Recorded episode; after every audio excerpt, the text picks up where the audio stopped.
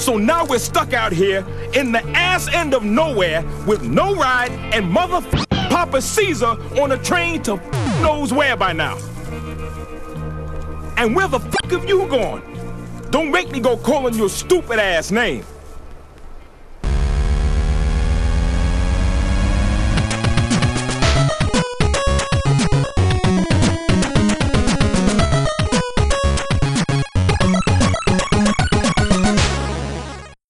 Welkom bij Buttonbashers aflevering 67. Een, eh, een, een, een hele saaie aflevering. 97. Dus wat zei ik dan? 67. Oh ja, dat Die is... hebben we al on- gehad, hè, Mike? Ja, waar ging die over, Niels? Ja, dat weet ik niet meer. Oh, dat is niet de hele parate kennis. Nee. Nee. waarom zeg ik nou 67? Ja, dat is wel mijn geboortejaar, maar ik zat, daar zat ik niet mee in mijn hoofd. En ook niet met Fallout. Want daar zit ik nooit mee in mijn hoofd met Fallout 76. Nou, ik weet het niet. 97. Dat is het nummertje wat we aantikken. En dit is de meest gewone Buttonbashers podcast die je maar kan voorstellen. We hebben een game talk en een hoofdonderwerp. En dat is het. Dus, nou Geen ja. speciale gasten. Nee, geen events. Tenzij er iemand naar de beurs in Apeldoorn is geweest of Tilburg. Nee, niet Nee. geweest. Nee, nou, ik ook niet. Eh, en ik ga wel naar de beurs in Hengelo. Tegen de tijd dat dit uitkomt, is die denk ik al geweest. Maar ja, daar kan ik nu nog niks over vertellen. Ehm, we hebben geen boek om te bespreken en ook niet om weg te geven, maar wel een winnaar daarvan. Laten we daar dan mee beginnen. Dan hebben we toch iets om het op te warmen. Eh, er waren een aantal mensen op Buttonbashers Forum die eh, toch wel graag het boek wilden hebben. Nou, en dat kan natuurlijk, want dat hebben we, dat hebben we natuurlijk gezegd. Ehm, en degene die hem gewonnen heeft, we hebben net hebben we, heb ik nummertjes gekoppeld aan de namen. Steve heeft een nummertje genoemd. Dat was nummertje 2, toch, Ja, Steve? Was nummertje 2. En eh, nummertje 2 zat gekoppeld aan OK Impala. Dus, eh, nou ja, ik zal je een berichtje sturen op het forum. Waarschijnlijk heb je het boek al uit voordat je deze uitzending hoort. Maar dat geeft voor de rest niet. Maar ehm, die wilde hem eigenlijk niet winnen, want die had hem aangevraagd bij zijn bibliotheek. Nou, dat was natuurlijk wel heel mooi, want dan lag hij daar ook voor de rest. Maar ehm, ja, de landelijke leverancier van de bibliotheek, die leverde het boek niet. Dus, eh, nou ja, goed. Hij, eh, hij dacht, dan wil ik hem maar gewoon winnen. Ik ben wel benieuwd of hij hem daarna dan in de bibliotheek gaat neerzetten. Of dat hij hem daar aanbiedt. Dat zou natuurlijk wel grappig zijn als meer mensen het konden lezen. Maar, eh, nou ja, gefeliciteerd. Oké, Impala. En we zorgen dat het boek naar je, naar je toe komt. En ja, meer huishoudelijke mededelingen hebben we eigenlijk niet. Ja, misschien is het toch leuk om nog even te vertellen, jongens. En ook eh, voor jullie, ondanks jullie het wel weten. Dat ik bezig ben met eh, het verhuizen en het ehm, opnieuw, nou ja, opnieuw opzetten is overdreven. Maar nieuw uiterlijk geven van het Buttonbashers Forum. Ik hoop tegen de tijd dat deze podcast uit is, dat hij er misschien al wel al is. Maar zo niet, dan komt hij er eh, heel snel aan. Eh, de, de proefmigratie nummer 2 is op dit moment gaande. Zodat het straks allemaal vlekkeloos en snel moet gaan verlopen. Dus eh, mocht je op het Buttonbashers Forum komen of je bent er nog nooit geweest. Neem eens een kijkje op www.button-bashers.nl. Dan, eh, dan nou ja, misschien zie je de huidige forum en misschien al wel de nieuwe. En hiermee kunnen we er weer een tijdje tegen. Zeker weten. Ja, dan zijn we, dan zijn we 2019 met het forum en zelfs stiekem al misschien wel een beetje 2020. Ja, eventjes wat highlights van de nieuwe opzet. Ja, Hij is meer mobile vriendelijk gemaakt. zeker. N- natuurlijk blijven we Tapatalk ondersteunen. Alleen het mag niet zo zijn anno 2019, 2020 around the corner dat je dat nodig hebt voor een goede mobiele ervaring. Nee, nee. En het is gewoon ehm, op basis van de nieuwste technologie die achter ons forum huist. Ja. En dat zorgt er dan gewoon voor dat alles eh, eh, meer secure is, stabieler, sneller. bepaalde foutjes eruit, ongemakjes. Het zou, het zou voor iedereen beter moeten zijn. En wellicht dat we nog een paar dingetjes weg moeten werken.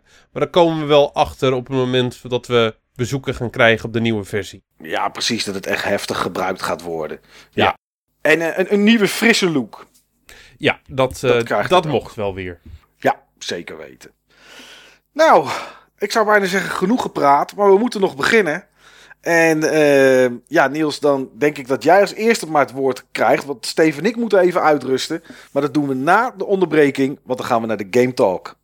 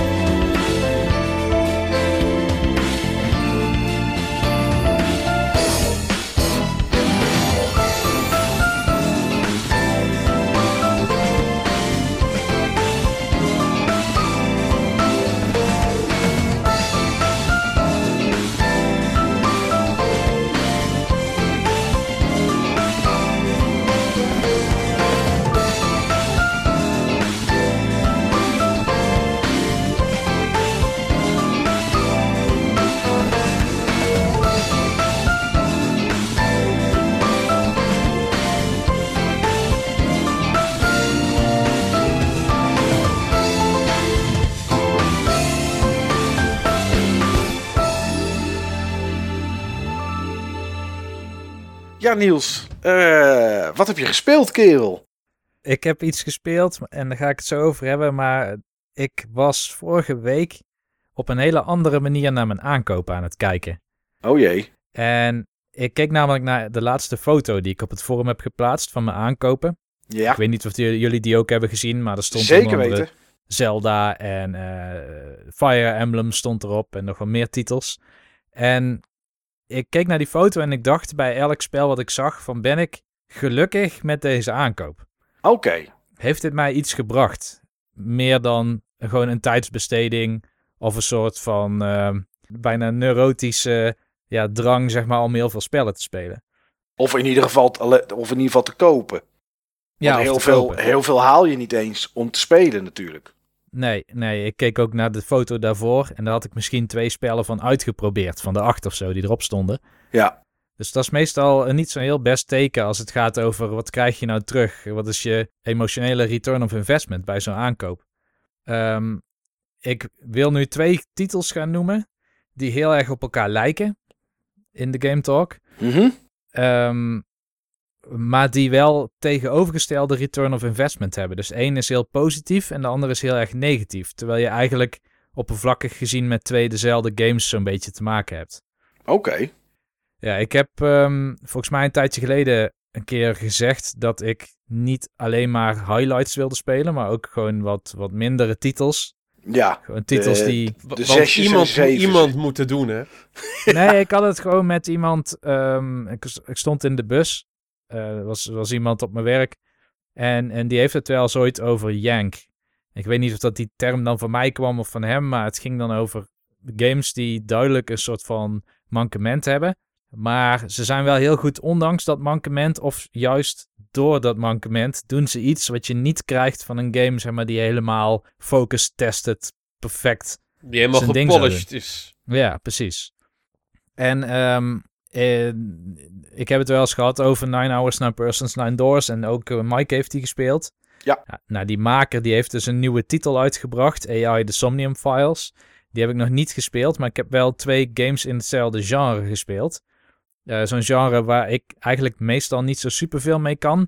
Terwijl ik er wel games in heb gespeeld die ik super gaaf vind. Zoals Nine Hours, Nine Persons, Nine Doors of de Ace Attorney games. Ehm, ik heb Steins Gate gespeeld en die vond ik dan wat minder. Nou, nu heb ik dus twee titels voor de Game Talk. De ene heet Root Letter en de andere heet Our World is Ended. Oké. Ehm, nou, laat ik beginnen met Root Letter. Positieve voorbeeld. Hoge return of investment.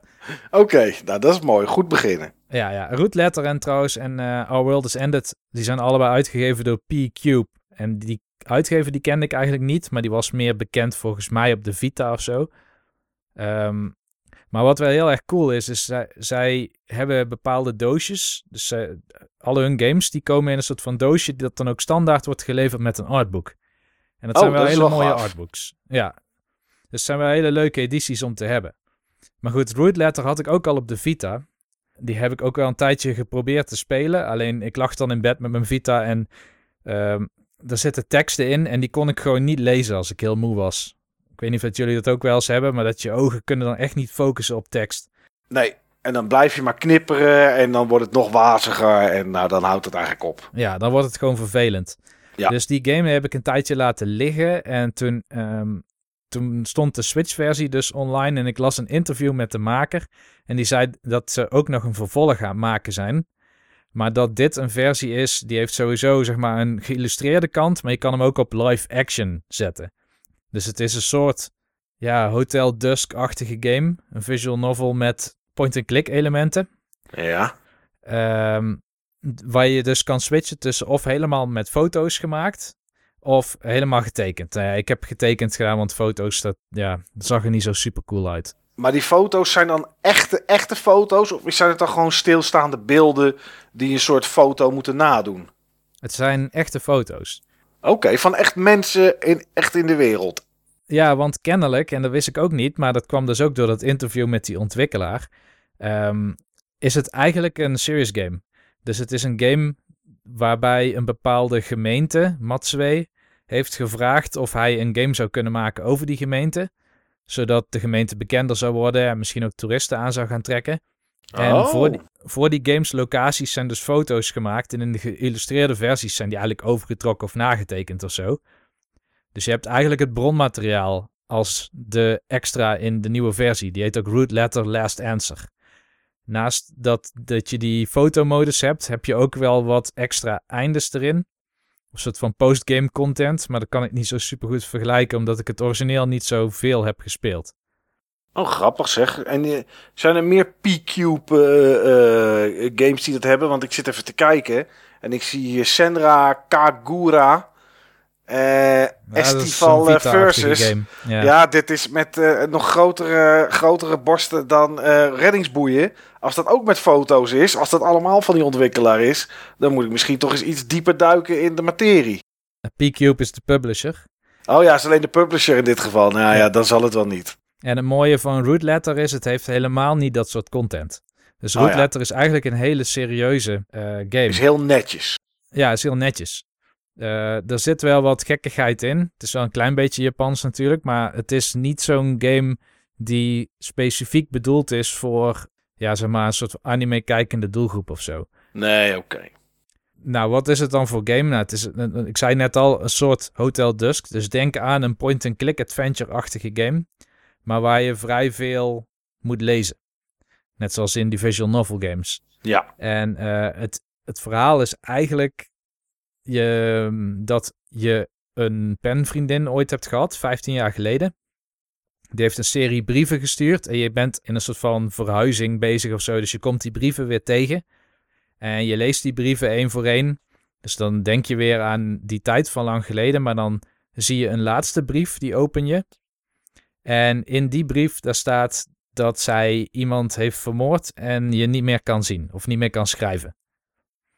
En dat is de aanleiding voor het hoofdpersoon om naar die stad, naar Matswe te gaan. En eigenlijk te ontdekken wat er nou precies is gebeurd met dat meisje. Aya of zoiets heet zij. Het is alweer een tijdje geleden, dus de fijne details ben ik weer kwijt. Mhm. Eh, je bent dus eigenlijk vooral op zoek naar mensen die haar nog kennen uit het verleden. Maar je merkt al snel dat daar een soort discrepantie tussen zit.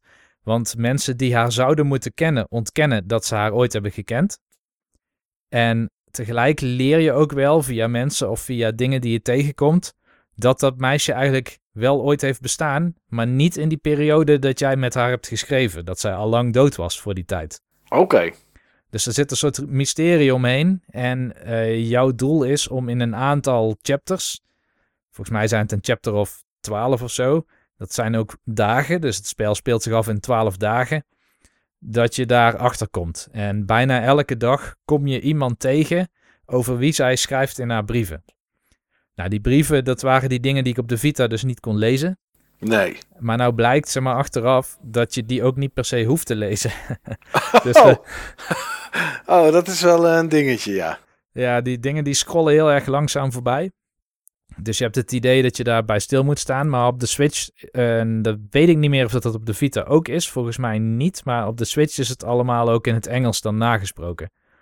Dus dan is het beter te vorm, volgen. Is alles gesproken? Of, of moet je nog steeds wel heel veel lezen dus?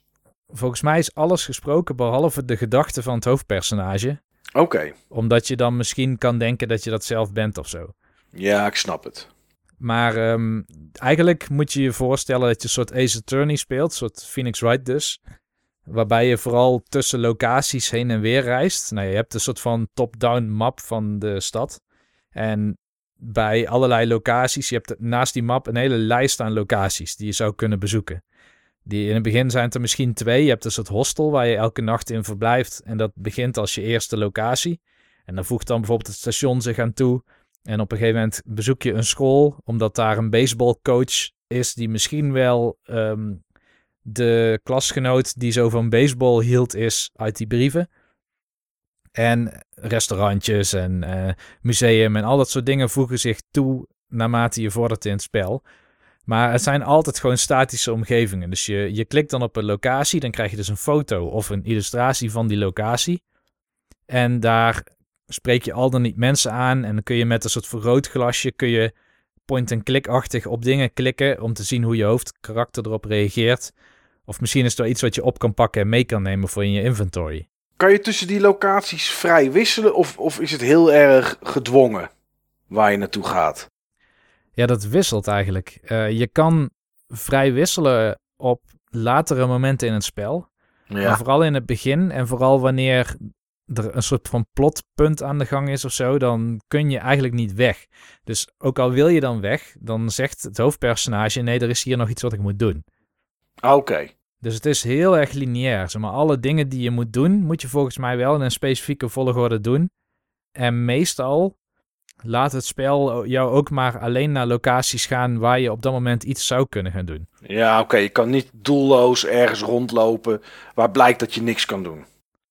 Nee, klopt. Maar dat vind ik tegelijkertijd ook wel weer dan een soort nadeel. Want ik had wel graag gehad misschien dat je naar locaties kon gaan en waar er dan in ieder geval iets gebeurt. Of de karakters die je daar hebt ontmoet in ieder geval iets anders zeggen. Alleen wat er nu dus vaak gebeurt, is dat je op zoek bent naar de volgende story trigger. Jou de hele tijd wordt verteld door het spel. Het is niet hier, het is niet hier, het is niet hier. Je kan hier niet in. Ehm, en ja, dan kun je op de think-knop drukken. En dan wordt het door het spel verteld waar je dan wel heen moet. Dus het spel Ah, speelt eigenlijk zichzelf wel op een bepaalde manier. Ja, echt moeilijk is het dus niet, maar ja, daar is het ook niet voor gemaakt. Nee, en het lastige dus ook van zo'n lineaire manier is dat je, wanneer het spel dan wel open is, dan kom je achter allerlei dingen die het heel onrealistisch maken. Dus ik moest bijvoorbeeld op een gegeven moment, toen wist ik, toen kon ik voorspellen van ik moet naar het theater, want daar werkt een vrouw en dat is degene die ik nu moet hebben. Alleen het spel wilde dat je eerst ergens ging ontbijten. Dus ik ging naar het theater en het theater was open maar leeg. Die vrouw was er niet. En toen ging ik naar dat ontbijt waar dan het spel me eigenlijk wilde hebben. Mhm. En dan zegt hij, ik moet naar het theater, naar die vrouw. En dan denk je, ja, daar ben ik net geweest, er ze was er helemaal niet. Eh, maar ja, dan volgens het spel moet je daar sowieso dan heen. Want je hebt nu pas dat ene plotpunt aangeraakt in het, eh, bij het ontbijt. Ja, je hebt die trigger gehad. Ja, die trigger gehad, dus dan ga je daarna naar dat theater. En dan hangt er zogenaamd een briefje op de deur dat het theater die dag helemaal niet open is. Maar je bent er net geweest. Oh ja, oké. dat zijn Ja, allemaal dat- wel bizarre dingen. Ja, dat is gewoon bizar. Dat is een Dat is beetje gewoon Twin Peaks-achtig bijna. Ja. Ja, Ja. inderdaad. Maar het is, het is gewoon jammer, hè, want dat haalt toch een beetje uit die beleving. Hé, ik ben er net geweest. Toen was ze er niet, kon gewoon naar binnen. Nu heb ik ontbeten en is het theater heel de dag gesloten. Ja. Ja, Ja. dus dat doet wel iets aan hoe realistisch die beleving van het spel is. Die voor de rest best wel goed is. En vooral zeg maar, ja, je hebt volgens mij vijf eindes. En het einde heeft te maken met elke keer als je zo'n brief leest, dan kun jij een vraag terugstellen aan je pennenvriendin. Of dan denkt jouw hoofdkarakter, wat heb ik er ook alweer gevraagd en wat was haar antwoord ook weer?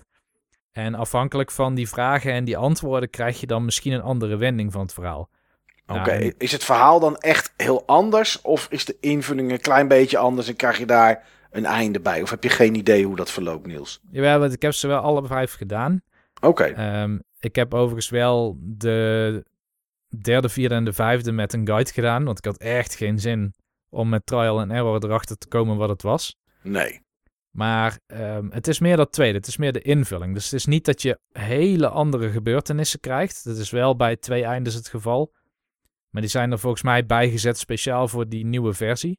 Oké, Maar meestal is het zo dat de context van het verhaal net iets anders is. Dus eh, waar ik het net over had, die, die Aya, niemand kent die Aya of beweert dat ze die niet kennen. En tegelijkertijd wordt beweerd dat ze al dood is. Maar er zijn verschillende mogelijkheden van wie Aya dan zou kunnen zijn of wat er met haar gebeurd is. En die eindes die verkennen al die mogelijkheden, of in ieder geval een aantal van die mogelijkheden. Dus dat kan wel verwarrend zijn. Dus wie Aya is, kan iets heel anders zijn in einde 4 dan in einde 2. Hmm, oké, ik snap het. Ja, Ja, maar dat is wel iets, dat vinden ze in Japan altijd wel cool, zeg maar, om eh, dingen met time loops te doen of zo. ja om het eh, onbegrijpbaar te maken op een gegeven moment. Ja, ja en dat, dat is dan dit spel ook wel een beetje. Maar dit is wel een hele. In ieder geval, het main verhaal is gewoon wel heel tof gedaan, moet ik zeggen. Je hebt wel hele fantasierijke andere eindes. Maar ik, ja, ik vond dit dus uiteindelijk wel een leuke game. En waarom was dat nou? Eigenlijk niet zozeer door het spel zelf, maar door dat interview met die maker die ik erover heb gelezen. Hmm, Dus dat het een serious game was. En, en dat het dus kennelijk ook werkt, want in die plaats komen nu echt meer bezoekers, omdat ze dat spel hebben gespeeld. En de mensen uit het spel, die bestaan ook echt. Oh, dat is wel grappig. Ja. Dus het was wel inspirerend, zeg maar. Oké, je had hem gespeeld op de Switch, toch? Ja, klopt. Oké, dus En hij is ook uit op de PS4 en de Vita, volgens mij, zag ik. Ja, ja, dat klopt. Eh, op de Vita weet ik niet of dat die remake nu Ja. ook uit is. als ik op Amazon kijk, zie ik Rootletter voor de PS4 kost daar in Engeland eh, kost 10 pond. En voor de Vita kost die eh 34 pond. Dus het zijn wel eh, behoorlijk verschillende prijzen, zeg maar. eh. maar ik weet niet of ze inderdaad, of ze de, de of ze die andere Rootletter, Last Answer, of ze die, eh, die ook hebben voor, eh, voor, de, voor de Vita. Ik zou in ieder geval aanraden dat als je de originele hebt, om dan niet te upgraden. Want het is niet een betere game. Ik denk dat ik zelfs de toevoegingen misschien wel af vind nemen van de game zelf. Dus de extra eindes maken het eigenlijk alleen meer belachelijk, zeg maar, dan serieuzer. Oké. Nou goed, eh, ja, als iemand. di- dit was in ieder geval een aanrader op zich, Niels, zei je. Maar dan is het dus die andere, One, eh, One World nog iets of zo. Of ik weet niet precies meer hoe die heet, hè? Ja, Our World is Ended. Oh, dat is dus geen aanrader. Nee, het was ook de verkeerde game die ik had gekocht. Het is namelijk zo dat die P-Cube, die heeft dus in een maand tijd twee games uitgebracht met het woordje world. En dat Ja. was het enige woord wat ik had onthouden van de titel. Dus ik had een, eh, een soort van games om naar uit te kijken in 2019 video gekeken. En eh daar kwam World End Syndrome in voor. Ja, Ja, dat is dus een andere game van P-Cube. Ehm, die, eh, die heb ik dus niet. Ik heb dus deze, de Our World is Ended. En dit is, dit is echt bagger. Eh, dit is bagger en ik had het meegenomen naar Zuid-Korea. Eh, dezelfde trip waarin ik die game die ik laatst heb besproken, Labyrinth of Refrain, eh, speelde. Ik had daar twee games bij me. Dus Labyrinth of Refrain, Coven of Dusk. Uitgebreid Ja. over gehad in een van de vorige podcasts. En eh, Our World is Ended. En ja, dat was eh, eigenlijk niet zo best, zeg maar. En dit is zo'n game die eigenlijk je tijd niet waard is. Ook al is hij niet super, super slecht. Je hebt er ook niks aan gehad als je hem eenmaal hebt uitgespeeld. Je denkt dan terug van, ah ja, ik heb hier nou, was het, ergens tussen de 35 en de 40 uur duurde die zelfs. Rootletter duurt gewoon 15 uur, weet je wel. Dat is gewoon, kun je gewoon even doen. Maar deze game die ging en die ging maar door. En ehm, eh, ik heb het doosje in mijn hand ja. eh, achter op de titel of achter op het doosje staat What if the game world became reality? Nou, dat spreekt me super aan. Het thema zou me aan moeten spreken. Het gaat eigenlijk over een, ehm, een game developer in Tokio. Eh, die hebben een aantal games die enorm geflopt zijn achter de rug. Zij maken een soort van hele slechte roleplaying games. En het is ook gewoon een heel slecht team. Je hebt een, een programmeur die super getalenteerd. Die had ook gewoon voor eh, JAXA kunnen werken. JAXA is zeg maar de ESA eh, of NASA van Japan. Ja. Die had daar kunnen werken. Eh, je hebt een, een verhaalschrijver. Die lijkt een beetje op Hoagie van Day of the Tentacle, als je die nog kent.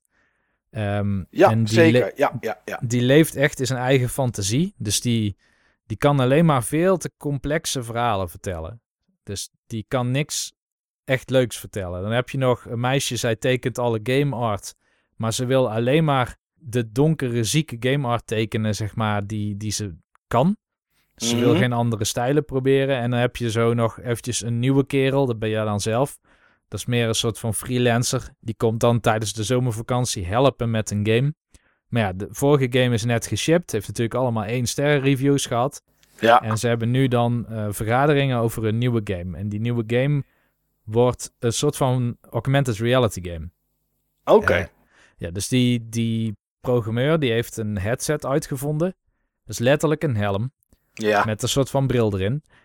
Ehm, ik ben even vergeten hoe die heet. Eh, iets met World was het geloof ik ook. Maar Ook World. Oké, mooi man. ja, het heet altijd World. Ehm, en eh, ja, dat is dus augmented reality. Dus die verplaatst jou of in de werkelijkheid met dan bepaalde gameobjecten erin. Of net als virtual reality gewoon in een compleet nieuwe werkelijkheid. En ehm, hij test die helm dan op een medewerker. En ja, dat is dan meteen zo'n voorbeeld van zo'n game van P-Cube zoals jij ze op de website zag. Ja. Eh, die helm die verandert dus iedereen naar mensen in badpak. Want die programmeur, dat, is, dat is gewoon een, eh, ja, zo'n perverse kerel. Ja, Die heeft gewoon niks beters met zijn tijd te doen dan dit soort prototypes te creëren. Ik moet ook zeggen, in het begin was het tergend vervelend dat ik denk wel meer dan de helft van de tekst, dat was ook echt fanservice tekst. Dat ging dan over de borsten van een karakter of zo. ja, ja, ja. Nou, fanservice, gewoon een beetje pervers. Ja, ja, inderdaad. Maar ook, kijk, ik kan wel tegen een beetje van dat soort humor, zeg maar. Maar als die game heel lang, dat je uren dat soort tekst in totaal hebt zitten lezen, dan ja, dat wordt heel enorm- vervelend. Dat wordt heel vervelend. Ja, want dat, dat is in ieder geval geen interessante plot twist of zo. Ehm, de interactie die je met de game trouwens hebt, is ook echt heel erg mager. Eh, het is nog magerder zelfs dan Steins Gate, waar je dan wel of niet de telefoon op kon nemen. Je Oh ja, dat hier- was de enige, enige wat kon in die game, hè? ja, je hebt hier ehm, volgens mij misschien hooguit tien keer dat jij uit een menu van vijf keuzes of zo kan kiezen. Oké. En afhankelijk wat je kiest, zeg maar, want er zit natuurlijk ook weer een dating sim in, dan graviteer je meer naar een bepaald karakter. Of eigenlijk andersom, dat karakter naar jou. Maar daar kom ik zo wel eventjes op terug.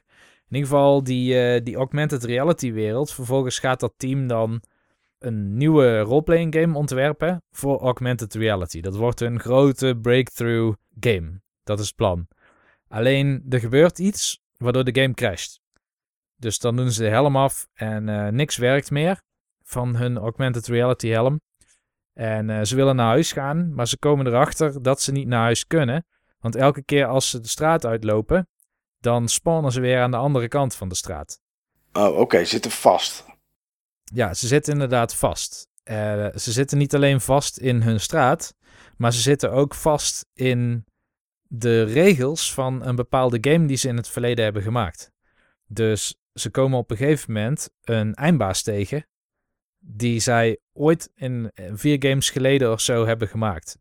En die eindbaas die voldoet ook aan alle verwachtingen die je hebt van zo'n team. Dus die ziet er echt te lelijk uit voor woorden. Die heeft een veel te ingewikkeld achtergrondverhaal. En die is heel pervers. Want die, die kan alleen maar vrouwen met grote borsten aanvallen. Dat is dan zijn special move, zeg maar. Jezus, oké. Kwaliteitje hoor, dit. Ja. Je hoort het al. Maar het is niet eens dit waarom ik de game niet de moeite waard vind. Het is gewoon die 35 uur zonder dat het echt, echt ergens heen gaat. Want dit is wel een leuke premisse, toch? Je, je, je hebt een soort virtual reality wereld. Die lijkt op je echte wereld. Of die is misschien wel je echte wereld. Maar je zit klem in de regels van jouw game. En je Ja. komt die NPC's tegen. En... Op zich is dat idee wel leuk. Tot hier is het leuk. Ja. Ja, en dan komt dus dat dating sim gebeuren, zeg maar. En dat neemt alweer een stukje af van de leukheid. Nou is het wel gelukkig zo dat dat gaat niet super ver. Ehm, je hebt een, volgens mij drie of vier vrouwen of zo in dat team zitten. Dus je hebt dat meisje, zeg maar, dat die art tekent. Je hebt het meisje wat de muziek maakt. Die die art tekent, dat is echt zo'n, zo'n, ja, ik weet eigenlijk niet hoe ik dat moet noemen, maar meer zo'n gothic type. zeg Ja, maar. ja, een beetje, eh, ja, een beetje duister. Ja, en dat meisje wat de muziek maakt, dat is meer zo'n soort van tomboy iets. Die krijgt ook de hele tijd allerlei commentaren over erheen, omdat haar borsten dus niet groot genoeg zijn. Dus die eindbaas, die valt haar ook niet aan. En dat is dan ook weer een soort van aanval op haar persoonlijkheid, vindt ze dan. Ehm, en dan heb je nog een klein meisje uit Rusland die heel erg goed kan programmeren. Ja.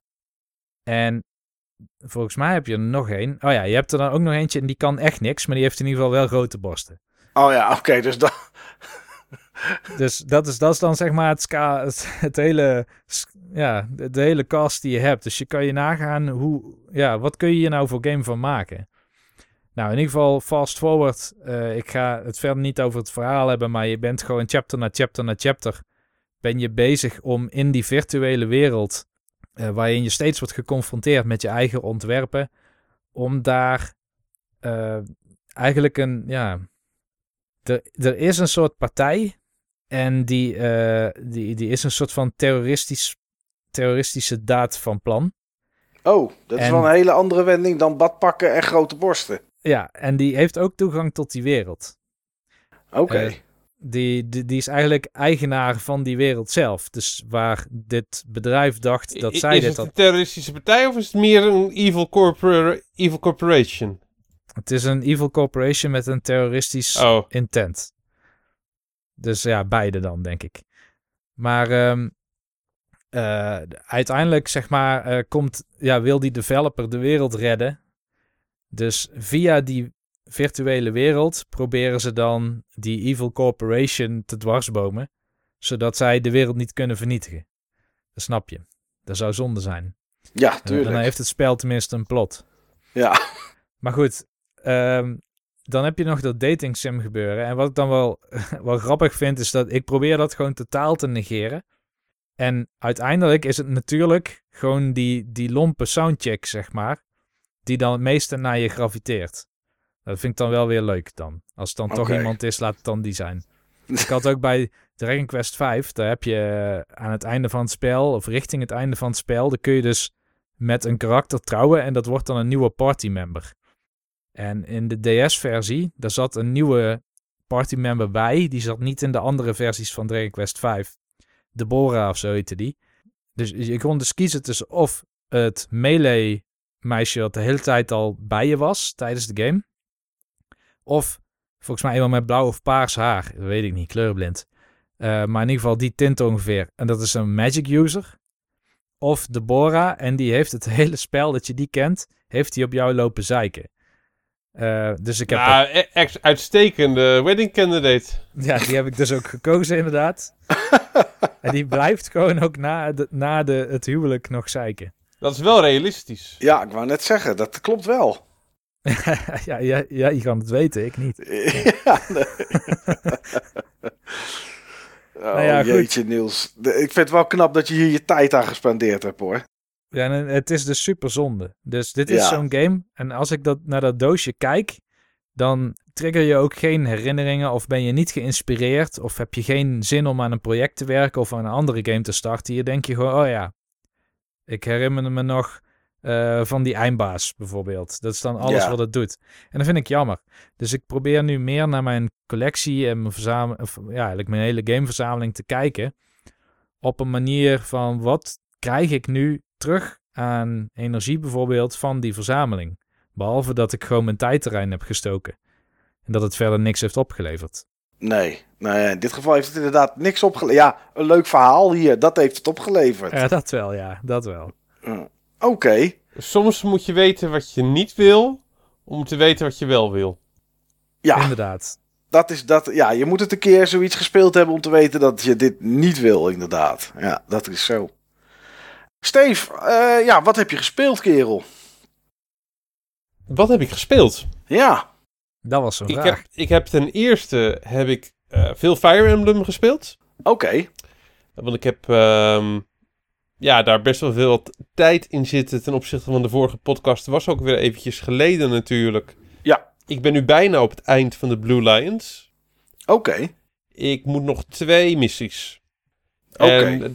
Dat is maar goed ook. Want ondanks dat ik het een leuk spel vind, ben ik het wel een klein beetje zat. Oké. Du- duurt het te lang of wat is het? Het duurt, dat het, het duurt gewoon te lang. Oké. Het duurt ja. echt heel lang. Ehm, met name gewoon dat live sim gedeelte. Dat, dat hakt er gewoon in qua tijd. Oké, qua, qua eh, dat het slurpt, zeg maar, van je tijd. Ja, ja, ja, zeker. En ehm, ik, ja, ik ben toch wel best wel een completionist. En dan wil ik gewoon zoveel mogelijk van die dialogen vrij spelen. En dan wil ik toch gewoon zien wat je daarmee kan zien. Als het erin zit, wil ik, toch, wil ik het dan toch wel zien. Maar ik begin nu wel een beetje los te laten. ik Dus, las eh, ook zo een eh, bericht van iemand die het aan het spelen was. En er zijn dus kennelijk vier paden nu. Er Komt Klopt, een vijfde klopt. Er zijn, er, zijn, er zijn vier paden. Het is niet zeker of het een vijfde pad komt. Nee, oké. maar er kwam iets van extra story content of zo. Er komt extra story content, maar er is waarschijnlijk geen extra pad. Oké. Is, nog niet, is nog niet bekend hoor. Nee, nee, dat is waar. Maar die zei dat hij al 130 uur in de game had. En pas een derde van de game had gezien. Ja, dat ik is ook heb, zo'n completionist. ik heb ook zeg maar 130 uur erin zitten toevallig. En ik heb dan bijna zeg maar één pad uitgespeeld. Ja, wauw. Ja, Ja. Dat, dat zijn wel investeringen, ja. Dat, zijn is wel behoorlijk wat. Ja, dat is zijn wel behoorlijk wat tijd, investeringen ja. inderdaad, ja. Ja. En dat, dat zijn er toch eh, tijdsinvesteringen wat ik me afvraag van, joh, wat had ik hier nog meer met deze game, eh, wat had ik nog meer met deze tijd kunnen gaan doen? Ik had er ook heel veel kleine games voor uit kunnen spelen. Of kunnen proberen. Maar het speelt wel lekker weg en het is goed in het openbaar vervoer eh, te doen. En het is gewoon een, het is een tof spel. Het is, niet dat, het is niet dat ik mensen zou afraden om het te kopen. Alleen denk wel, daarna, eh, denk er wel over na of je zeg maar echt die tijd erin wil stoppen. Eh, ik heb wel het gevoel dat ik bij andere Fire Emblems meer return on investment heb op basis van de tijd die ik erin eh, stop. Ik vind dat toch zeg maar de gevechten het leukst. ja. En met name gewoon de story gevechten. En ehm, ja, er komt wel veel omheen. En ik moet zeggen, ik vind eh, ook de missies... Ze zijn wel vaak eentonig. Ze hebben wel allemaal hetzelfde doel. Gewoon iedereen doodmaken of de vijandelijke leider doodmaken. En ik heb ook Fire Emblems gespeeld... waar toch ook wel een stuk meer eh, veelzijdig in, eh, veelzijdigheid in zat qua opzet. Ja, inderdaad. Conquest is daar een goed voorbeeld van. Klopt, klopt. Dus de tijd die je erin in gespandeer, aan gespandeerd hebt, als je die in verhouding zet tot het plezier, dan is dat door het social gedeelte zeg maar toch iets minder dan bij andere delen. Ja, ja, dat zou ik wel durven zeggen. Het is echt, het is echt niet alsof ik er niet van kan, alsof ik er niet van kan genieten. Het is absoluut heerlijk ontspannen om op deze manier lekker in het openbaar vervoer weg te spelen.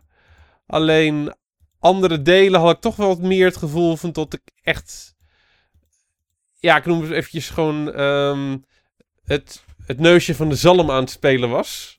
Ja, En, en bij deze vallen, zalm zitten er toch wel wat graten bij.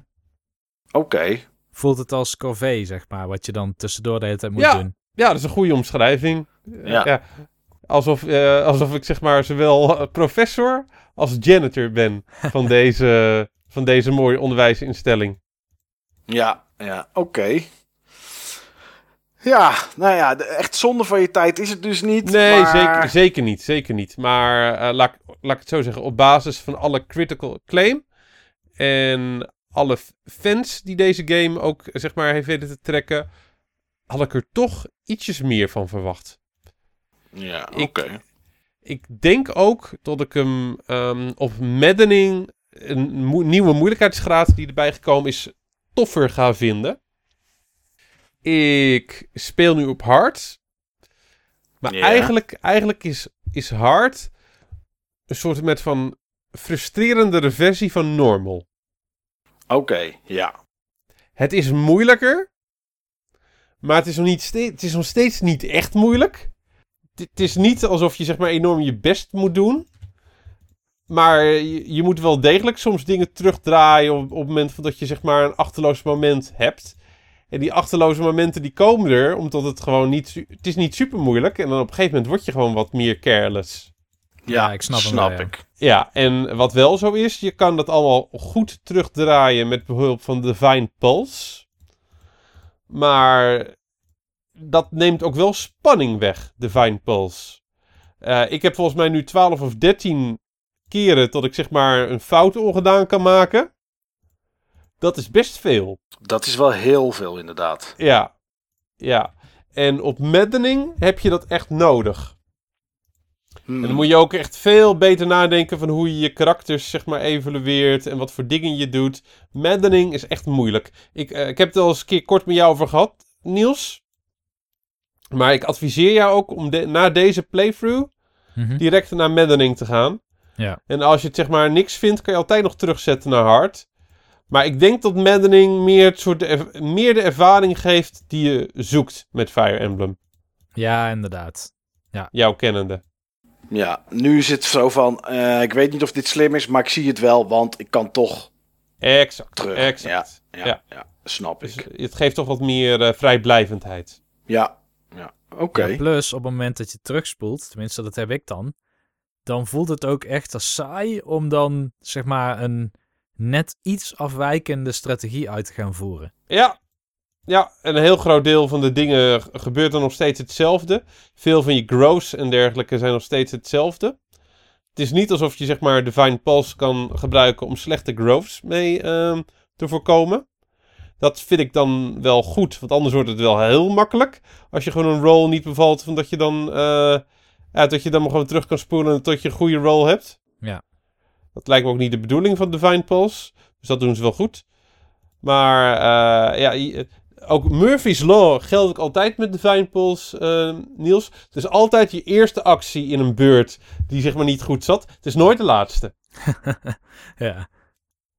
Dus, eh, maar zeker een leuk spel hoor. Dus ik, wil, ik hoop niet dat dit negatief overkomt. Nee, nee, nee. Je, oh, je mag best dingetjes een keer eh, Ja. een beetje bena- benadrukken die minder zijn aan een deel. Ja, toch? Zeker, zeker. Ja. Ja. Dus eh, nee, wat ik, wat ik net zei, dus nog steeds een, ehm, een aanrader, maar niet voor iedereen. Je moet echt wel nagaan, wil ik die tijdsinvestering maken? Ja, want die is wel fors. Wat een stuk kleiner spel is wat ik gespeeld heb, Ja. is R-Type Dimensions op de Switch. Oh, een, oh, ja, R-Type. Ja, ik moest er Ja. even nadenken. Ja. Ja. een remake van R-Type, Hm? die ook uitgekomen is op de Xbox 360, jaren geleden. En die eh, nu extra opgepoetst op de Switch is uitgekomen. Oké. Komt hier niet ook een deel 2 van of zo? Tenminste, ik meen iets gelezen te hebben over weer een R-Type remake. Dat kan, maar dit is in ieder geval R-Type 1 en 2. Ah, oké. Er zijn meer delen. Maar ehm, je krijgt R-Type 1 en 2 in één pakketje. Digitaal of fysiek. Hij is er fysiek. Via ehm, niet limited run. stri- via Strictly Limited. Oké. En ik heb hem, ik heb hem zowel, ehm, ik heb hem zowel fysiek als digitaal. Ik had hem digitaal toevallig laatst gekocht in een, eh, in een aanbieding. En ik heb hem eh, via Jur ook eh, via een ruil dan ook fysiek kunnen scoren in een mooie Collector's Edition. Met R-Type vind ik dat wel tof. Ja, ja, zeker als de game tof is en eh, je hebt hem eerst digitaal, eh, digitaal kunnen spelen, dan, eh, Ja. dan is dat een mooie proef om even Ja. te kijken of je hem fysiek wil. Exact. Het zijn in principe de um, arcade versies van, van R-Type 1 en 2. Alleen die kun je dan ook omzetten naar 3D graphics. Zodat je 2,5D kan spelen. Oké, is dat een verbetering of Dat moet iedereen voor zichzelf bepalen. Dat, vond eh, jij het een kan- verbetering? Niet altijd. Oké, Niet altijd. Maar ik, het heeft wel iets. Maar het haalt ook wel een beetje ziel weg. Hmm, ja, dat maar ik wat ik wel heel tof vind. Het, het is niet praktisch, maar het ziet er wel mooi uit. Je kan zeg maar die 3D-versie. Die kan je ook kantelen. Dat je zeg maar de schuin opkijkt. Dat je zeg maar niet. ehm, tot het niet zeg maar. Eh 2,5D is, maar dat je een beetje zeg maar dat 3D-effect hebt. Oké, ik snap wat je bedoelt. Ja, ja, dat vond ik er wel heel tof uitzien. Dat, speelt wel, eh, dat, dat speelt wel tof. En wat ook tof speelt is, eh, je kan de levels continu herhalen. Je kan de levels los van elkaar spelen. Dus op die manier kan je ze ook gewoon oefenen om een goede run neer te zetten. Ik ben echt slecht in R-Type. Ik, kan alleen- ik ben alleen goed in die eerste twee levels. Dus ik heb nog veel te oefenen. Oké, maar dat is wel mooi om, om zo inderdaad je skill omhoog te krijgen dan. Ja, ja, ja, ja, ja. Je hebt ook allemaal leaderboards. Nee, dat, ze, dat soort opties hebben ze allemaal netjes gedaan hoor. Het is echt wel een, eh, ze hebben hem goed eh, aangevuld met logische opties in een, ja, in een competitief spel uit de arcade tijd. Oké, dat is wel nice. Hoe is de muziek, eh, Steve? Want volgens mij was dat altijd wel een dingetje bij R-Type. Een positief dingetje of een negatief dingetje? Ja, dat hing volgens mij een beetje van welk deel je speelde af. Maar eh, over het en een algemeen... beetje het level. Het, Ja, ja, soms is het gaaf en soms denk je, hoe hebben ze dit kunnen doen? oké. Maar ook de muziek is zeg maar ehm geremasterd. Ja, En dat vind ik sowieso wel een verbetering. oké. nou, dat is in ieder geval goed. Eh, wel een aanrader dus, Steve, Ja, om te kopen. zeker. Zeker. Ehm, wat daarentegen geen aanrader is, ook Oh al is die gratis, Ja. dat is ehm Dr. Mario op de smartphones, op de iPhone en Android. Ik wist niet eens dat dat er was. Ja, Iets- iets tijd- met World of zo heet dat. Dr. Mario World inderdaad, ja. Oh, ik dacht dat... Hebben ze dat tegelijkertijd uitgebracht met die Mario Kart of zo dan? Nee, eerder. Oh, oké. Ehm, maar het is super saai. Oh. Oh jee. Laat me Ja. hangen. Ja, dat is, eh, het, is, het is wel Dr. Mario, maar dan met- dat je elke keer moet wachten omdat je anders coins moet kopen of zo? Of... Ja, dat, dat. Oh. Nou ja, en echt... eh, want ik heb er een filmpje van gezien. Kijk, bij Dr. Mario komt er gewoon een pil van boven naar beneden in het scherm. En die kun je dan draaien en dan moet je vier op een rij krijgen. Maar volgens mij kon je hier vanuit onder in het scherm juist met touch of zo een pil naar boven duwen of zo. ja, klopt, klopt, klopt. heel raar. Oké, Klopt. Nee, Nou, het is echt eh, super irritant. oké. Dus, dus dit, is een, dit is een echte skip. Ja, dit is een echte skip. Oké, nou goed om in ieder geval eventjes te weten. Heb je nog, meer skips? Dus nee, denk, dit er, oh, nee. Maar je- maar je hebt Ik- nog ik wel ik heb, ik heb ik. nog een spel gespeeld, maar daar gaan we het nu niet over hebben. nee. Daar gaan we het later in een losse uitzending eh, over hebben. Ja. Want eh, ik mag weer even meepraten met eh, Club Buttonbashers, omdat ik Yes. ja, hetzelfde spel gespeeld heb als jullie. Ja, dan komt dat alleen maar mooi uit. Het laatste wat ik de revue wil laten passeren, daarvan hadden jullie gewild dat jullie het ook gespeeld hadden. Maar dat is niet zo. Hm. Oké. Ja, jullie zullen het wel eens gespeeld hebben, maar jullie hebben het niet gespeeld op de manier zoals ik het gespeeld heb. En dat was super tof. Nou, kom maar op dan. Want dat, ik ben nu wel benieuwd. Ik ben, vorig weekend ben ik in Dublin geweest. Oh, oké. Samen met Jelle, Carl 2 op het, eh, op het forum. Iemand die eh, vaak voorbij komt in de podcast. Want het is een van mijn beste vrienden. Ja. Zo niet mijn beste vriend. En die had, zeg maar, een tijdje geleden had hij aan mij gevraagd: Joh, Steve, wij kennen elkaar nu 20 jaar. Zou jij het leuk vinden om samen naar Dublin te gaan? Want ik was eh, vorig jaar in Dublin met Christa, mijn vriendin. En Dublin, Dublin zit vol met gamezaken, Steve. Dublin zit vol met gamezaken. Alleen, ja, ja, ja, Christa was er toch een beetje zat op een gegeven moment. Dat ik zeg maar elke zaak in wou gaan. En ja, ik had zoiets van, ja, ja, ik wil eigenlijk wil teruggaan. En vol- volgens mij ben jij dat niet zo snel zat. Nou, dat had Jelle goed, eh, dat had Jelle goed eh, ingeschat. Ja, dat had Jelle goed ingeschat. Dus eh, het leek mij sowieso heel gezellig om met Jelle een weekend weg te gaan. En ik heb di- toen direct ja gezegd. Heb het samen gepland. En dat was dus vorig weekend geworden. Ja, die tour, de tour die Jelle had voor, minutieus had voorbereid met al die gamezaken. Ik had verwacht dat hij het zeg maar goed had voorbereid, maar dat hij het zo goed had voorbereid. Dat overtrof zelfs nog mijn verwachtingen. Oké. Hij had echt gewoon een, een kaart van, eh, van, van Dublin, die hij daar had gekregen. En had hij het ook echt allemaal op uitgetekend. En hij wist het, het was ook helemaal niet nodig dat hij het uitgetekend had. Want hij wist het allemaal gewoon precies nog. hij, was één, hij was één keer in Dublin geweest en het was alsof hij er woonde wat betreft gamezaken. Oké. We, hebben el- we hebben elke CEX gezien in de binnenstad. Elke GameStop.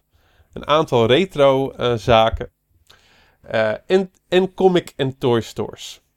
Oké, dat is was een van- mooie rit. Het was fantastisch. Het was fantastisch. Ik heb echt toffe dingen ehm, gezien. Ik heb echt toffe dingen gekocht. We waren met, ehm, we waren met Ryanair. Ja. En Ryanair die had zeg maar juist eh, een paar weken geleden de regels aangepast wat je mee mocht nemen qua bagage met alleen handbagage. Ja. En dat was al niet veel. Dat is, nu- dat is nu zeg maar een kleine rugtas. Op het moment dat ze het nog een keer aanpassen, dan mag je alleen maar een clutch meenemen. Ja. Precies. Maar we gingen met een, eh, met een rugtas en ehm, we hadden, eh, ik had dan zeg maar eigenlijk zo alles gepland. Ik had zo weinig dingen meegenomen dat ik nog dingen, dat ik nog ruimte over zou hebben voor de terugweg. Nou, wat ik allemaal gekocht heb en hoe ik het in die rugtas heb gekregen, ik weet het niet. Het is gelukt. Blijven ik- schuiven. Ik, beschouw mezelf nu gewoon als een Tetris master. Dat is in ieder geval goed. Ja, absoluut. Eh, ik heb bij een aantal GameStops heb ik een paar echt toffe PS4 games eh, gekocht. Die je hier nooit ziet. Eh, in bargain bins. Voor de normale, eens. ja, en de normale prijzen, dit- dit- dat moet je echt niet hebben. Dat is echt heel duur. Ja. Dat is echt gewoon duurder dan de Intertoys, bij wijze van spreken. Eh, ja, gewoon echt eh, games die je op internet voor tussen de 45 en 50 gaan kopen. Die daar gewoon voor 70 euro liggen. Jezus, wat een Daar wordt, daar wordt de mens niet vrolijk van. Nee. Maar ik had wel echt een uit zeg maar ehm 3 voor 20 bakken. Had ik eh, zes hele toffe titels. Ik ga ze heel even bijpakken. Mhm. November 11th, Memories Retold. Dat is een beetje een eh, adventure-achtige game over een oorlog. Volgens mij een Ierse, de Ierse onafhankelijkheidsoorlog. is gemaakt door eh Aardman, de gasten achter Wallace and Gromit. Oh, die, ja. Nog nooit gezien. Nog nooit gezien. Franktix. Een, ehm, een game op basis van, van Playlink. Is daar veel mee verschenen, Niels? Playlink?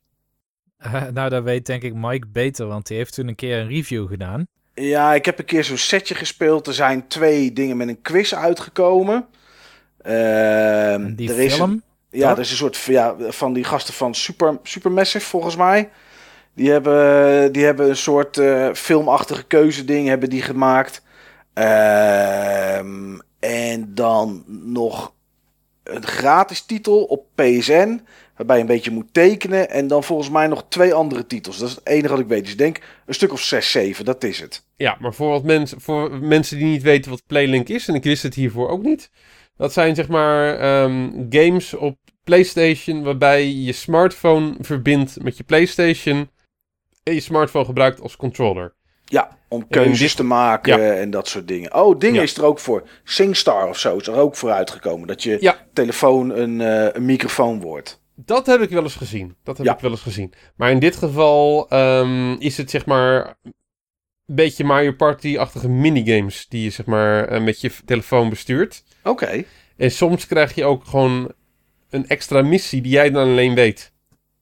Ah, oké, die op je telefoon krijgt. Dan krijg je, zeg maar, een, krijg je een belletje van de Vos, die in dit geval spelleider is. En dan moet je ook echt gewoon zeg maar, dat ding tegen je oor houden. En dan krijg je zeg maar, op die manier dan, zeg maar, je extra missie. Dat leek me zo tof. Deze ga ik een keer spelen. Dat is wel grappig. Dit is de enige game die ik gekocht heb waarvan ik zeker weet dat ik hem ga spelen. Ehm Redout Lightspeed Edition. Een beetje een, eh een Wipeout-kloon. Ja. Ook wel, mooi, ook wel mooi dat hij ook gewoon iets met oud heet. Maar het zag Ja. er heel tof uit. Space Hulk Tactics. Een eh, Fire Emblem-achtige game in het Space Hulk ehm, universum. Siberia 3. Oh, En- Steve. Ja. Dat is niks. Nee, die was heel slecht. Tenminste, Oh. eh, de versie die ik op PC heb gespeeld, die was, eh, was technisch ook heel slecht. Maar als je, heb je de eerste twee gespeeld? Ik heb ze wel op Switch. Oké, oké. Nou ja, goed. Eh, daar zit de shine, zeg maar, meer op dan op drie. Oké, oké. En de Unravel Yarny bundle. Met Unravel 1 en 2. En twee, dat zijn leuke games. Ja, en ik had nog wat, eh, ik had nog wat Blu-rays. En ik had bij een hele toffe retro gamezaak. Had ik eh, een echte retro gamezaak en platenwinkel. Had ik Final Fantasy Tier Rhythm. Oh ja, Die, die ritme game. Ja, die ritme, ritme game had ik voor een tientje. Ik had ehm, de Raiden collectie op de PlayStation. Dat zijn die, eh, die, die shooters, eh, Mike. Oh, Die ja, vert- ik weet vertical het. shooters. Dat Ik is echt een hele, denken, hele vroege ja. PlayStation game. Ja, ja. Bij ehm, een toy store had ik zeg maar ehm, een soort van surprise boxen gekocht. Ehm, van een beetje pop-achtige eh, maatschappij. Misschien is het wel pop. Met figuurtjes. Met, met arcade en classic game figuurtjes. Oké. En dat hadden ze, ze- ja, die, die waren afgeprijsd naar 1 euro. Ik had er 6 gekocht.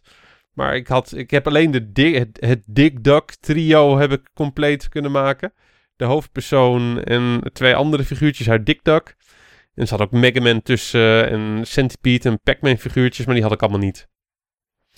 Dus eh, dat, dat was jammer. Ja. Maar you can't have it all. You can't have it all. Maar wat super tof was en wat ook wel een beetje het thema was van het weekend. Ik had eh, WWF Superstars voor 20 euro op de Game Boy. Oh, En ik wist helemaal niet dat die er was. ik ook Ik- niet. Ik heb vroeger heb ik zeg maar heel vaak WWF Superstars gespeeld op, eh, op de Game Boy. Volgens mij was dat mijn vijfde game of zo. Dat was echt een van mijn eerste games. En ehm, die had ik, toen, had ik toen van mijn oma gehad. En ik weet nog dat mijn oma heel teleurgesteld was. Tot ik zeg maar, nadat ik hem een half uur had, eh, al tegen mijn oma zei: Oma, oma, ik heb hem uitgespeeld hoor. Oma flink in de buidel getast. Steve speelt hem binnen een half uur uit. Dat was ook echt makkelijk. En ik kon redelijk bepaalde moves abusen. Maar ehm, ja, het, het, het was zeg maar redelijk een WWF, WWE ehm, gethematiseerd weekend. Want ik had ook bij Toy Stores, eh, had, je, had je echt allemaal WE-figuren. Oké. Ja, ik had, eh, dat wist Jelle ook en hij wist ook dat ik het tof zou vinden. En op een gegeven moment bij een hele grote speelgoedzaak hadden we dan zeg maar, eh, hing daar een figuur van Seth Rollins voor, Ja. vijf, voor 5 euro. Oh, dat is een mooie prijs. Ah, die laat ik niet hangen hoor. Nee. Dat eh, vind ik een eh, toffe superstar. En die, was, die zat dan op een kaart. En ik wist ook dat ik hem mooi neer ging zetten thuis. Dus die, ik, heb, ik had die kaart ook gewoon kapot gescheurd. Maar bij een andere zaak had je Defining Moments figuren die in de aanbieding waren. Ja. Van Ric Flair en John Cena. En dat zijn dan zeg maar wat, luxe, wat luxere figuren op een bepaald moment in hun carrière. Echt in een mooie doos met een gethematiseerde binnenverpakking. Ja, die waren echt wel tof. En ik had eigenlijk maar plek voor één. Wist In je rugzak of thuis? In mijn rugzak. Thuis, zat- thuis ben ik nog niet achter. Ja, dat, eh, ja, eh, dat vond ik wel heel tof. Ric Flair ben ik groot fan van. Ja. En die John Cena figuur was gewoon echt heel tof. Dus ik had een beetje, ik zat een beetje te twijfelen, zeg maar, welke het ging worden. Maar ik was dus 's avonds toen ik op bed lag, dan was ik al uit welke ik ging halen de dag daarna. Alle twee. Allebei. Ja, En tuurlijk. die andere is er gewoon bij Jelle ingegaan. Ja, Jelle, je moet even ruimte maken, Ja. jongen. ja, Waar is hij er bij Jelle in gegaan? in zijn rugzak. In zijn rugzak. Ja. Het was op een gegeven moment wel een running gag van, joh Jel, alles leuk en aardig, maar eh, ja, op het moment dat ik er niet uitkom met, eh, met ruimte, het was jouw idee. Dus dan doen we het gewoon als met bolletjes slikkers, hè? Ja, precies. Ja. ja. Maar het was echt super tof. En ehm, we hebben ook zeg maar heerlijk Guinness eh, gedronken. En we zijn eh, op zondag zijn we de hele stad doorgegaan. Zaterdag alleen maar regen, zondag alleen maar zon. Het was echt, was echt warm. Oké. Dat was heel tof. Toen heb ik op een gegeven moment ook wel eens tegen hem gezegd... Joh, Jel, het is nu eventjes goed met die winkels. We gaan nu eventjes gewoon buiten zijn. Ja, even een terrasje Dus, of ja. wat dan ook. Ja, maar het was echt heel erg tof. Echt heel erg genoten. Maar het hoogtepunt, mijn persoonlijk hoogtepunt van het hele weekend, dat was zondagavond. Oké. Ja, we waren toen terug op de hotelkamer. We gingen eventjes terug naar de hotelkamer. Eventjes gewoon eh, ch- chillen. En dan gingen we iets zoeken om te eten. Een restaurant in de buurt. En Jelle ging zoeken. En vijf minuten later hoorde ik... Nee. Nee. En ik, ik zie gewoon een enorme verbazing op zijn gezicht. En ik vraag van... Jelle, wat is er? Wat Jelle, wat is er? En hij zegt, Steef, dit, dit heeft zo moeten zijn. Dit heeft zo moeten zijn. Ehm, ik, ik, vind hier, eh, ik vind hier in de buurt, vind ik een restaurant. Dat heeft een arcade. Het heeft een arcade en daar staan meer dan 40 kasten. Oh, dat is eh, fixen nog. Ja, en ehm, dat, was, eh, dat was niet alleen in de buurt. Dat was gewoon echt de straat over en dan op de hoek ten opzichte van het hotel. We waren daar ook gewoon langs gelopen.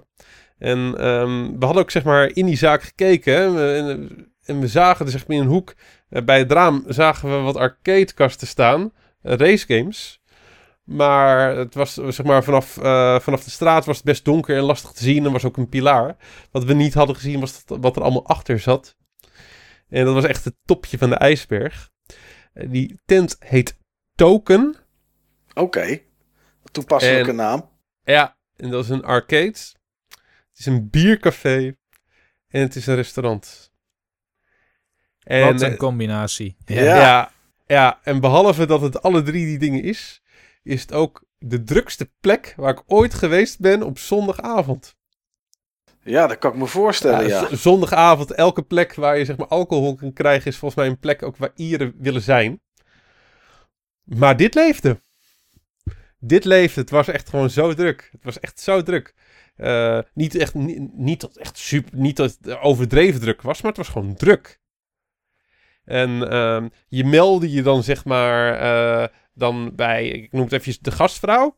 Als je wat wou eten, en het was zeg maar, eh, het was vol. Maar eh, dan werd je op een wachtlijst gezet en liet je je mobiele nummer achter. En dan kreeg je zeg maar een appje als, ehm, als de plek was. Oké, netjes. En dan kon je het in de tussentijd gewoon zeg maar spelen. Oh, dus het mocht wel lang duren voordat er een plek was. Ja, ja, ja, ja. Moet je wel gewoon zeg maar eh, tokens kopen. Ja. Maar ja, prima joh. Ik, ik wacht wel hoor. Ik wacht wel. En ze hadden zulke gave dingen. Ehm The Simpsons Arcade, eh, Mario Kart Grand Prix, eh, Tekken, verschillende light gun games.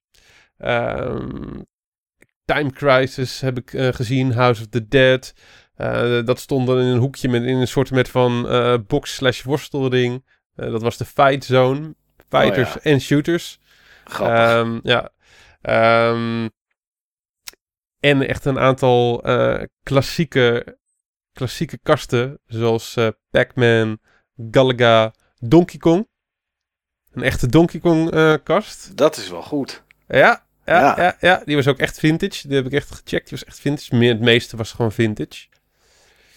Maar de dingen die ik gespeeld heb, daar, daar gaat het natuurlijk het meest om in een Game Talk. Ik, ik, ik, ik ga eindigen met hetgene wat ik als eerste gespeeld heb. Maar ik heb, ehm, ik heb Double Dragon gespeeld. Oh, cool. Een van mijn originele liefdes. Ja. Die ik toen gespeeld heb op de kermis. Maar dat was in een generieke kast. En dit was in een echte Double Dragon kast. Echt, eh, het echte kabinet. Wat een rotgame. oh. Wat, dat zeg was- maar, wat, wat zeg maar negenjarige Steve niet door had. Ja. Was hoeveel slowdown er in die game zat. Oh, ja. Dat is zonde. Ja, dat is echt wel bizar hoeveel slowdown erin zat. Maar eh, ik weet nog wel dat ik echt gewoon struggelde met, ehm, met de controls. Want je had opeens eh, drie knoppen en ik was maar één knop eh, gewend. En zo'n poke, dat was ook echt eh, super foreign. Dat ging nu wel beter. Oké. Maar dat ging, ik kan je wel zeggen, na één credit was het ook wel genoeg hoor. Met, ehm, met Double Dragon. Het was geen tweede token waard. Nee. Wat ik veel toffer vond, wat we daarvoor nog gespeeld hadden, dat was eh, Turtles. Oké. De Ja, vier zeg maar- spelerkast. De vier spelerkast. Die nu net uit, ook met samen met eh, de arcade versie van Turtles in Time uitgekomen is op die, ik noem het eventjes, die, die verkleinde arcadekasten die je dan zeg maar kan kopen. Oh, ja, ja, ja. Ik weet wat je Ar- bedoelt. arcade One-Up of zo, weet ik niet hoe het heet. Maar dat, dat is het net niet. nee. Dat is het gewoon, dat is het gewoon niet. Ge- geef daar je geld niet aan uit. Maar dit was het wel. Dit was gewoon die, die, die grote kast met dat, met dat grote vierspeler eh kabinet. ja. Fantastisch, fantastisch. Dat elke turtle ook gewoon zijn echte, zijn eigen stick en zijn eigen knoppen heeft.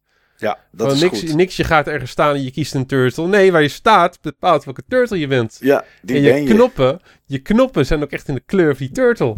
Fantastisch. Wie de laatste is, is Raphaël. Ja, dat ja. ja. Dus eh, daar komt het wel een beetje op neer. Dus eh, ondanks dat ik dan de meeste ruimte had. Nee, daar stond ik niet hoor. daar stond ik niet. Dus, eh, maar echt tof. Echt tof. En ehm, mijn laatste token, mijn laatste twee tokens, we hebben alles samen gespeeld. Ik moest en zou Jelle hier ook hier zeg maar, op tracteren. Dat was belangrijk voor me, want ik heb echt iets met arcades. Ik kwam daar gewoon en hij had dit plan bedacht en hij had, dit, hij had deze plek gevonden. Ik moest en zou hem tracteren. De laatste tokens die hebben we uitgegeven in de kelder. Daar stonden pinballkasten. Oh, cool. Ja. Eh, beide hebben we Medieval Madness gespeeld. En ehm, hebben zeg maar dan eh, tegen elkaar gespeeld om de highscore. En Jelle had volgens mij een highscore van 1,3 miljoen. En ik had 3,77 miljoen. Oh, En ik had, ik had al mijn doelen had ik bereikt. Ik had het eh, kasteel in elkaar laten storten via de drawbridge. Ik had zeg maar de draak geactiveerd. Er zullen er vast en zeker nog wel meer dingen eh, in die kast geweest zijn die ik had kunnen doen. Maar daarvan wist ik het allemaal niet. En deze dingen wist ik wel. En dat was me ook gelukt.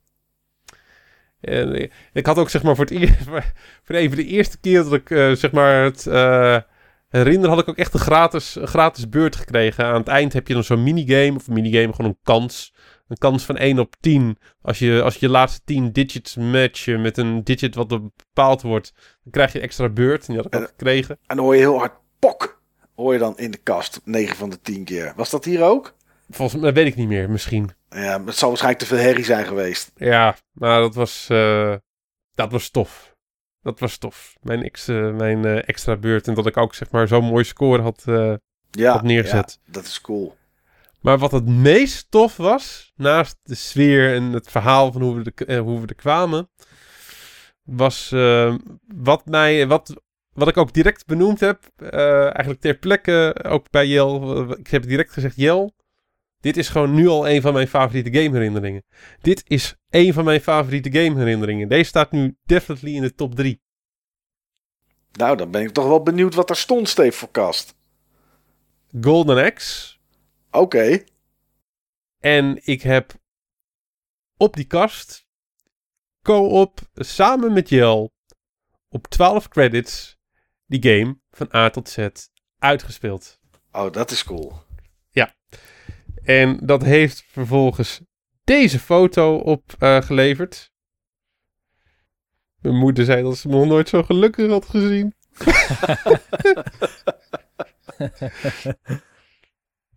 ik heb hem op WhatsApp gezet. Oh, ja, dat ik zie het. Oh, wel een goede sfeer als ik die foto zo zie, Steve. Met die lampjes ook erboven. Ja, eh, ja dat had, had het echt goed gedaan. Ze had het echt goed gedaan. Het was echt een fantastische plek. Het was Ja, echt mooi, een man. fantastische plek. En eh, ik was juist, de laatste tijd was ik al een beetje zeg maar in dit soort sferen. En er waren ook heel veel herinneringen bij mij ehm, naar boven gebracht over zeg maar deze prachtige tijd. Want ik heb zeg maar, eh, ik heb laatst Ready Player One geluisterd. Oh, de, een, eh, als eh, audioboek. Ja, als audioboek. Wat een geweldig boek. Wat een enorme klote film. Oké, ik heb de film niet gezien. Ik heb hem wel... Hou zo. Oké, Wat een geweldig boek. oké. En Nou. ik, ben, ja, ik ben wel achter gekomen dat ik, eh, dat ik iets te diep in geek culture zit. Want meer dan 90% van alle referenties van het boek kende ik gewoon. Oké. Het boek zit echt vol met referenties. De referentiedichtheid is bizar hoog. Bizar hoog. Wat een gaaf boek. Absoluut ook een tip voor iedereen die dit hoort. Ready Player One. Doe jezelf een lol. Ehm, luister, luister of lees het. Kijk niet de film. De film is te veel een aangepaste film. Zuigt. Ehm, die heb ik daarna gezien. En ah, man, man, man. Dat was... eh, nee. De- ik, kon, ik kan nu eindelijk eens een keer zeggen. Altijd willen doen. Het boek was beter. Ja, het boek is beter dan de film. Maar in dit geval was, eh, gaat er niks boven. eh, ook om in de sfeer van, van Dublin te blijven. U2. eh, waarschijnlijk de bekendste band uit Dublin ooit. Dit was echt gewoon the real thing. En in sommige opzichten was dit gewoon even better than the real thing. Nou, mooi man. Ja, dat was fantastisch. Dat was, was fantastisch. Ja, Erg, eh, erg van genoten. En ik, eh, ja, ik ben eh, blij dat ik dit op deze manier kon delen. Ik heb er ook eventjes de tijd voor genomen. Maar dit was, dit was zo'n mooie ervaring dat ik vond dat dat wel kon. zeker weten. Ja, en ik had ook echt, ik had ook echt, toen ik zeg maar die avond in mijn bed lag, had ik ook gewoon zoveel zin in deze podcast. Ja, maar ja, dit zijn mooie herinneringen, Steven. En die, je zegt, die maak je niet zo snel, niet zo vaak. Ja, dan is het helemaal mooi dat het zo uitpakt. Maar ik, ben, ik heb wel één belangrijke vraag. Was jij de dwerg, Steve? Uiteraard was ik de dwerg. Ah, ik heb, ik heb betaald. Ja, nee, dan mag je de dwerg zijn, inderdaad. Ja, ja, daar heb je gelijk in. Ja, wie betaalt is de dwerg. Zo werkt het. Ja, goed man. Ehm, ik wilde het even heel kort hebben eh, met wat ik zelf heb gespeeld over een game die we denk ik al eens eerder aangehaald hebben. Maar ik weet het eigenlijk niet zeker. Eh, en die heeft zo'nzelfde mechanic als eh, Fire Emblem, eh Steve. Oh, Die heeft een terugspoel mechanic. En het is een game die best wel al even oud is. Ik weet eigenlijk... Ik zou niet eens weten, dat gebeurt niet vaak, moet ik zelf ook eerlijk zeggen, dat wanneer deze game is uitgekomen, ik denk een jaar geleden of zo. Maar het is Forza Horizon 4. Heeft die een terugspoelfunctie? Ja, die heeft terug, uh, terugspoelfunctie inderdaad. Ja. En uh, best een heftige ook. Ik weet niet hoe ver je per race kan terugspoelen, maar je kan drie keer een behoorlijk stuk terugspoelen. Volgens mij hebben we het er niet over gehad in de Button Bashers podcast, maar had je in Mike's Minutes daar een aflevering over? Oh, dat zou kunnen. Nou goed, die game die uh, zit in de Xbox Game Pass, uh, ondanks dat ik hem zelf wel had. En tijdens de E3 hebben ze toen, uh, de afgelopen E3, hadden ze aangekondigd dat er een Lego onderdeel in kwam. En ja, ik zag het voorbij komen omdat nou ja, Niels en ik Gears of War 5 hadden gespeeld. En uh, ja, toen dacht ik van, oh ja, Forza Horizon 4, dat was best tof. Ik ga eens even kijken naar dat, uh, naar dat Lego onderdeel. Ik ben wel benieuwd hoe dat dan in elkaar steekt en hoeveel content dat dan is. Dat is eigenlijk best wel schrikbarend hoeveel content het is. Uh, in, in de goede zin van het woord, want het is best veel. En wat ze gedaan hebben, is ze hebben een, een eiland gemaakt waar je naartoe kan. En dat bestaat uiteraard helemaal uit Lego blokjes. Daar kan je uh, standaard met een Lego autootje word je daar neergezet en dan kan je mee scheuren. Maar je kan ook al je andere bolides kan je gebruiken. En het doel is om daar een soort van huis te bouwen met een, ja, met, met allerlei randzaken daaromheen. Je krijgt een stukje grond en daar kan, je, um, daar kan je bouwen. Alleen om te bouwen heb je natuurlijk Lego blokjes nodig. En die heb je standaard niet in je auto liggen. Dus is het aan jou om die te verzamelen. Nou ja, en die verzamel je door races en uitdagingen te doen uh, op verschillende moeilijkheidsgraden. En als je dan alles gedaan hebt, dan heb je natuurlijk precies genoeg blokjes om alles te bouwen. Nou goed, uh, zover ben ik niet. Maar ja, ik was gewoon benieuwd naar wat het geworden was. En nou ja, ik speelde een half uurtje, dat werd een uurtje en dat werden twee uurtjes. En toen, uh, toen ben ik ermee gestopt. En de volgende dag betrapte ik mezelf erop dat ik dacht, hey, ik ga toch, toch nog eventjes verder spelen. Zo heb ik er inmiddels alweer een uurtje of 10, 12 in zitten. Terwijl ik eigenlijk helemaal niet van de race games ben. Um, maar het, ja, het is super leuk. Wat, wat, wat Forza sowieso al goed doet, maar zeker um, Forza Horizon 4 op dit stuk content is dat als je klaar bent met een race of met een, uh, met een uitdaging, een uitdaging kan zijn uh, bepaalde snelheid halen op een punt. Zodat, daar staat dan een flitser om te kijken hoeveel, uh, hoe hoog je snelheid is. Des te hoger je snelheid is, des te hoger de reward is van de blokjes. een sprong maken. het kan eigenlijk van alles zijn wat daar, uh, wat daar voor, uh, voor opdrachten zijn. Maar op het moment dat je klaar bent en je, en, je hebt zoiets gehaald, of je hebt misschien niet gehaald omdat je verloren hebt met een race, sta je eigenlijk alweer in de buurt van twee of drie volgende uitdagingen. Dus je bent nooit lang op zoek en je rijdt dan een heel klein stukje door en hé, hey, er is weer een volgende uitdaging. Oké, dit is een, uh, een dirt race. Oké, nou dan ga ik die doen. Ben je klaar, ontdek je weer een nieuwe weg. Daar zijn weer nieuwe challenges. Uh, sta je daar weer, uh, staat, staat er daar weer van alles voor je klaar. En uh, ja, zo gaat het eigenlijk de hele tijd door. wat ze daar ook bij hebben, en dat is ook wel tof. Um, dat zijn een soort van live challenges. Dan krijg je in één keer een pop-up in beeld van... hey, over vijf minuten dan begint er op de racebaan, ik noem maar wat... begint er een live challenge waar spelers dan aan mee kunnen doen. Nou, dan kan je naartoe teleporteren of je kan, een, je kan een marker op de map laten zetten... dat je er zelf naartoe kan rijden... En uh, ja, daar zie je dan uh, nou, 30, 40 spelers, zag ik uh, af en toe PC die daaraan meededen. En die moesten daar of met z'n allen rondjes rijden om zoveel mogelijk kilometers af te leggen. Of er moesten bepaalde snelheden gehaald worden die dan opgeteld werden. Of punten. soms bleef het daarbij. Ik heb een keer een ander event gehad. Daar ging je van plek naar plek over de kaart heen. Ja, dat is eigenlijk gewoon super tof. Het is leuk om te spelen. Het, het, het is redelijk arcade. Daarvoor vind ik het ook wel leuk. Want zodra je met uh, Gran Turismo aankomt of zo, uh, ja, dan, dan ben ik er wel klaar mee. Of nog erger, uh, hoe heet die andere autogames waar je alles kan tunen, waar er, waar er twee van zijn. Assetto Corsa, iRacing, dat soort Precies, dingen? Precies, dat soort dingen. Nou, dat zijn echt totaal niet mijn, totaal niet mijn games. Formule 1 games ook niet. En dit normaal gesproken ook niet. Mario Kart of zo, dat vind ik leuk. Of Crash Team Racing, allemaal prima om een potje te spelen. Maar ja, dit is, dit is eigenlijk gewoon heel tof. Dus als je de game hebt liggen, volgens mij is, volgens mij is het gratis, die Speed Racers DLC. Nou, ik weet bijna wel zeker. Dan, ehm, ja, dan is het zeker de moeite waard om hem nog, een keer, eh, nog eens een keer op te starten. Wat ik ook tof vind is als je een race doet, dat je kan kiezen of je hem solo doet, of je hem co-op wil doen, of eh, tegen andere spelers. Eh, ja, je hebt daar best wel wat, wat mogelijkheden in. ik heb een paar keer tegen andere spelers gedaan.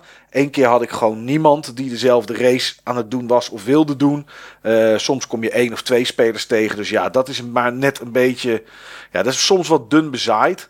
Uh, je ziet wel een hoop spelers op de map rondrijden, tenminste dat denk ik. Want ja, het is voor Microsoft natuurlijk makkelijk om gewoon een random naam te genereren en daar een puntje over de kaart heen te laten, laten gaan. Ja, wie weet of het echte spelers zijn of niet. Maar goed, in die, in die race, die, uh, ja, die events die je hebt, zeg maar, als dat echt spelers zijn, dan wordt het nog echt wel heel erg veel en goed gespeeld. Dus ja, dat is even een tipje. Heb je de game, start hem nog eens op. Want misschien dat die uh, Lego Speed Racers DLC, dat die wel interessant is om een keertje te bekijken. Iets anders dat ik interessant vond om te bekijken, maar toen ik het speelde weer niet. En later weer wel. En toen weer wat minder. Is ook, op, ook op PC toevallig. Maar is er op meerdere platformen uitgekomen. Alleen is het gezien alle beelden die we hebben gezien niet zo snugger. Om het op andere platformen te spelen dan PC. Dat is Control. Ik uh, ben daar. Ja, dat, lo dat, loopt niet zo lekker op andere platforms op dit moment, hè? Nee, nee. Er zijn wel uh, wat fixes geweest dat het geloof ik wel wat beter is. Maar ja, uh, als je een beetje vloeiende, vloeiende ervaring wil, dan is PC denk ik nog steeds de enige plek waar je dat, waar je dat op kan spelen. Het was een game die ik heel lang niet op mijn radar had. En naarmate de release dichterbij kwam, eind augustus, toen dacht ik van ja, misschien is het toch wel interessant. Toen zag ik de reviews. En vooral dan uh, de problemen die er op, uh, op consoles waren. En ik wilde dit eigenlijk wel gewoon op de bank spelen. Uh, op een 4K-scherm. En dat heb ik niet bij mijn PC. Toen dacht ik van ja, misschien moet ik het toch ook maar niet spelen. En uiteindelijk dacht ik, nou oké, ik ga het wel spelen. Ik ga het, maar dan op PC. Controller eraan, achteroverleunen en, en spelen. Ehm, ja, Control is ehm, is de, de nieuwste game van uh, de mannen en vrouwen die, uh, die we van heel wat andere games kennen. Het is Remedy. En Remedy heeft, heeft onder andere Max Payne gemaakt, de eerste twee. Ze hebben Alan Wake gemaakt. En Quantum Break hebben ze, hebben ze onder andere gemaakt. En ja, ik, uh, dat waren allemaal games die tof zijn. Uh, maar allemaal wel een, een, probleem hebben. En bij Alan Wake kwam dat bij mij wat meer naar voren dan bij Quantum Break. En dat is een probleem wat ik bij Control ook weer terug vind. Uh, maar daar kom ik zo meteen op. Uh, wat is het? Control is een uh, third-person ja, action game. Ik zou niet willen zeggen dat het een adventure game is of, uh, of wat dan ook. je speelt daarin Jessie. En Jessie is een, uh, een dame die 17 jaar geleden haar broer nou, niet verloren is, maar die is meegenomen door uh, de Federal Bureau of Control. En dat is een, uh, ja, een instantie uh, ergens in New York. En die houdt zich bezig met paranormale fenomenen. Die onderzoeken ze. Ehm, proberen ze de vinger achter te leggen wat daar, wat daarachter zit. Hoe dat, hoe dat ontstaat. En ja, als het nodig is, dan nemen ze die ook mee vanuit het echte leven. Uh, niet dat dit nepleven is, maar het is een beetje een aparte plek. Die Federal Bureau of Control. Nou, wat er gebeurt is dat, uh, dat jouw broer, die, uh, of broertje, die is ooit meegenomen 17 jaar geleden. En jij komt als Jesse aan in de Oldest House. En dat is, nou ja, dat is, dat is het hoofdkantoor van die Federal Bureau of Control. Ja, daar bij binnenkomst zit er niemand achter de receptie. Het is voor de rest allemaal verlaten en leeg. Er liggen papieren op de grond. Het is een beetje een vreemde situatie, een vreemde setting. En uh, terwijl je aan het lopen bent, kom je een. Uh, ja, hoe heet dat in het Nederlands? Een, een janitor, een. Uh, Conciërge. Uh, ja, schoonma schoonmaker conciërge kom je tegen. Ati. En uh, ja, praat een beetje vreemd, Ati. En, en doet ook een beetje geheimzinnig. Maar hij zegt in ieder geval van... Oké, jij komt hier voor uh, de jobinterview.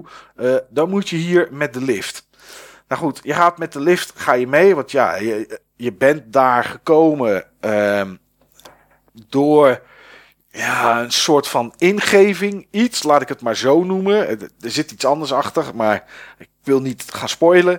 Ehm, en die heeft jou daar naartoe geleid. Want het is eigenlijk een, een, Ja, die bureau is eigenlijk normaal gesproken niet te vinden voor mensen. Ondanks dat het echt immens groot is.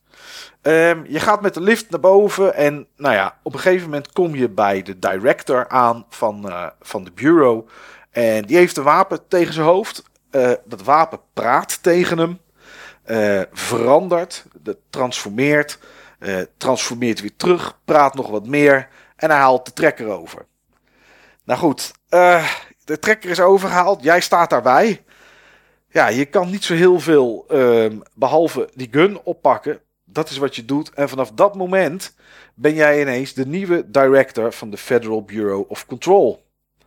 En um, het is niet zo dat alles en iedereen uitgemoord is. Er zijn uh, best nog wel wat werknemers in het pand. Maar er zijn er ook heel veel die beïnvloed zijn door uh, iets. Ja, laten we het maar op iets noemen. En um, ja, het is aan jou om dat iets te onderzoeken en te gaan willen uitschakelen. Althans, dat willen meer de medewerkers die daar aanwezig zijn. En jij wil die medewerkers een beetje te vriend houden, omdat je informatie wil over je broer. Want leeft hij nog? Uh, is hij daar? Is hij daar niet? Is hij weg? Dat zijn allemaal dingen die je op dat moment niet weet.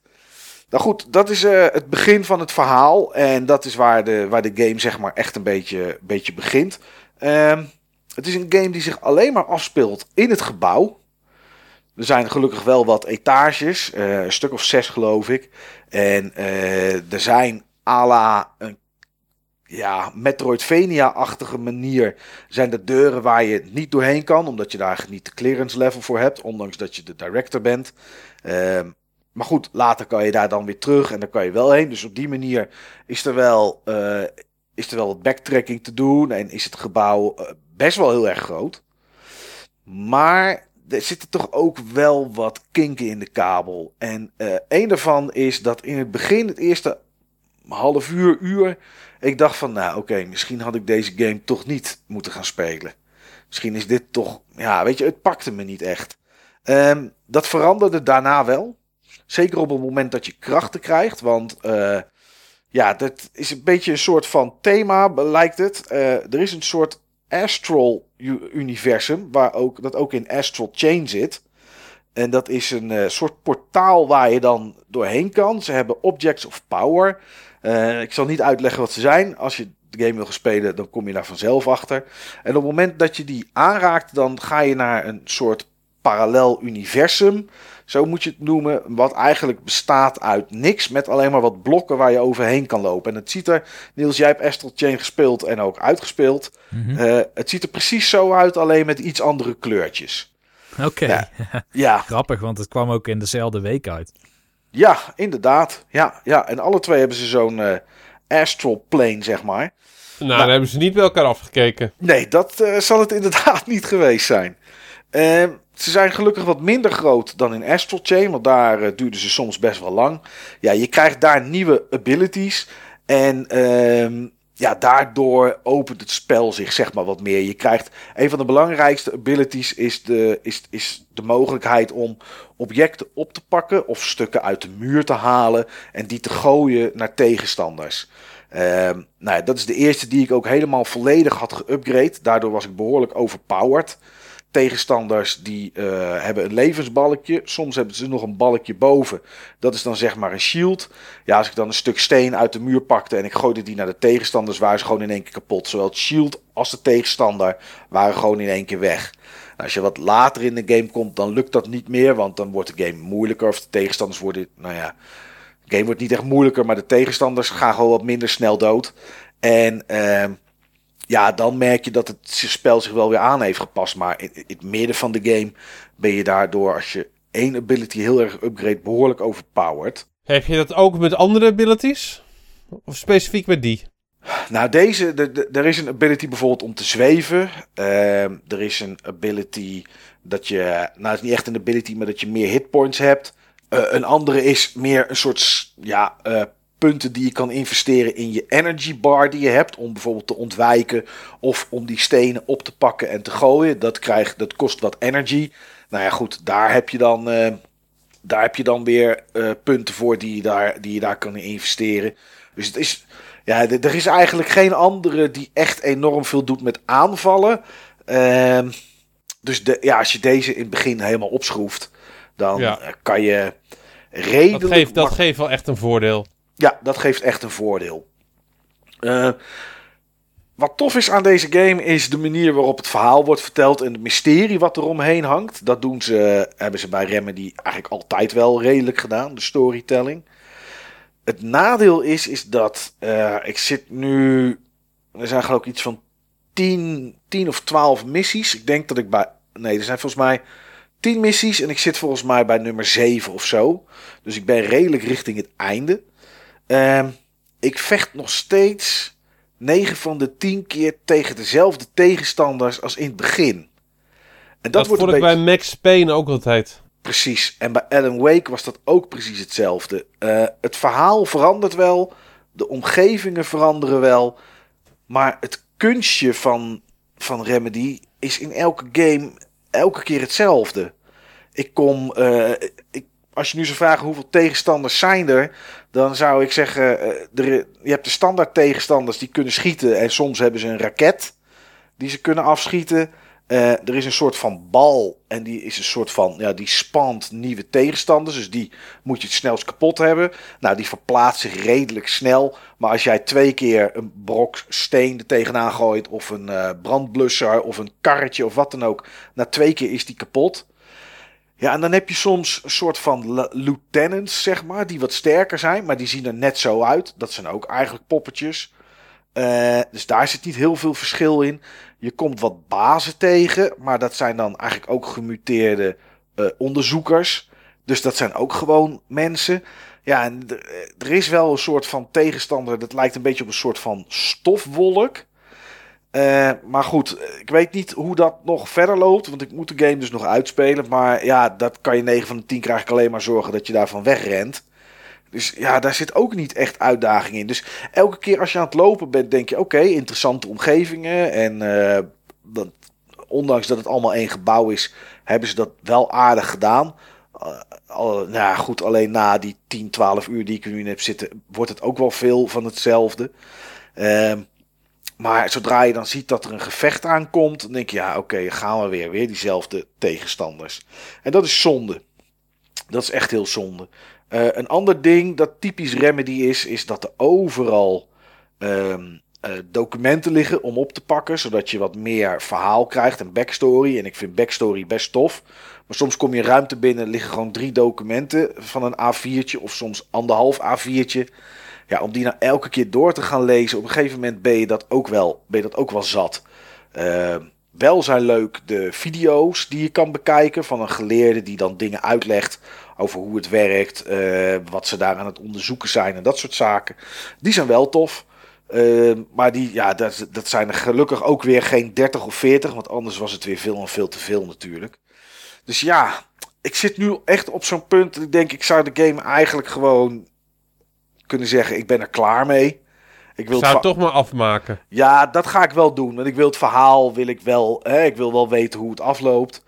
Maar ja, in principe is dit wel het punt dat ik denk van ja, oké, eh, weer tegenstanders. Ja, oké, krijg ik ze weer. Ja, oké, weer dit wat ik moet doen. Er zit een, er zit een soort tussenstukje in. Ik zal niet vertellen wat precies is waar je af en toe naartoe gaat. Dat moet dan een soort puzzel zijn, maar dat is eigenlijk te simpel voor woorden. En die heb ik inmiddels ook al vier keer gehad. Ja, weet je. ehm, er zitten side missies Ja, in. gewoon te repeterend. Ja, dat is het. Er zitten side missies in. Soms ook voor extra eh, abilities. Niet dat je er honderden hebt, maar er zijn er één of twee die je niet nodig hebt. Maar die, je die je wel kan ophalen, zeg maar. Eh, ja, oké. nou, weet je, laat ik dat dan maar doen. Eh, dan heb ik dat in ieder geval gedaan. Maar de meeste side missies krijg je in één keer een, eh, een, een bericht in beeld. Dat er ergens een gedeelte van het gebouw ja, bestormd wordt of overgenomen wordt door de HIS. Dat is hoe ze de tegenstanders noemen. H-I-S-S. De HIS. Ja, en dan heb je 20 minuten om daar te komen en de boel te en. Venom waren allebei al bezet. Ja, nee, daar hebben ze niet zoveel mee te maken in dit geval. Eh, Maar dat komt meer door het geluid wat ze maken. Daarom worden ze de his genoemd. Eh, ja, en dan. Ik heb dat één keer gedaan en dan heb je alles gedood. En dan krijg je, krijg je wat, wat mods. Want je kan mods op je wapen plaatsen. En eh, personal mods om jezelf ook nog daar op dat vlak een beetje te versterken. Ja, oké. Dat is leuk. Maar het is nou niet echt. De, ja, weet je, het zet niet aan tot het doen van. Dus ja, het is. Control is op zich in de opzet best een aardige game. Eh, maar misschien als je het zou willen spelen, dat je even moet wachten tot hij wat goedkoper is. Ja, jij zei een keer tegen mij nieuws voordat ik ging spelen dat je ergens had gelezen dat het een best goede Remedy game was. Zoiets was het, hè? Ja. Ja, nou ja, Ja. Dat, dat klopt. Ik vind het sowieso wel knap hoor. Remedy Games, voor mijn gevoel was Quantum Break niet eens zo lang uit. En dan hebben ze toch alweer een grote game daar vrij snel bovenop liggen. Nou, Ja. het is al een tijdje uit hoor. Volgens mij Ik denk dat je daar nog- 2015. Ik denk alweer eh, drie, vier jaar inderdaad, ja. Oké. Ja. Ja. En Quantum Break was ook niet slecht. Alleen, ja, daar lag de nadruk wel heel erg op die eh, tv-episodes die ertussen zaten van soms drie kwartier. Eh, die wel te skippen waren, maar ja, dan snapte je sowieso niet zoveel meer van het verhaal. Ja, en ja, dit is een beetje, dit is een beetje hetzelfde. Het is, er zitten niet van dat soort lange cutscenes in hoor. Hmm. Eh, het is, eh, de omgeving is niet heel vervelend, maar het wordt wel heel erg herhalend. Je komt ergens binnen, de ruimte is redelijk rood. Je sloopt alle tegenstanders, dan is er een control point waar je mee kan travelen. Nou ja, die speel je dan vrij of die unlock je. Dan verandert de kamer waarin je bent. Dan zie je dat dat van de ene universum zeg maar terugtransformeert naar de huidige. Zoiets moet je het zeg maar zien. Ja goed, en dan ga je door om de volgende tegenstanders te slopen. En dan ga je weer terug naar, eh, naar je basis die er zeg maar is. En dan word je weer ja, de wereld of het gebouw in dit geval ingestuurd om naar het volgende punt te gaan en daar iets op te pakken. Ja, eh, het is grappig, maar de, de, de herhaling is wel heel erg groot. En dat is wel, eh, dat is wel jammer, maar aan de andere kant ook te verwachten. Want Alan Wake ben ik volgens mij ook op een procent of 70 of 80 gestopt.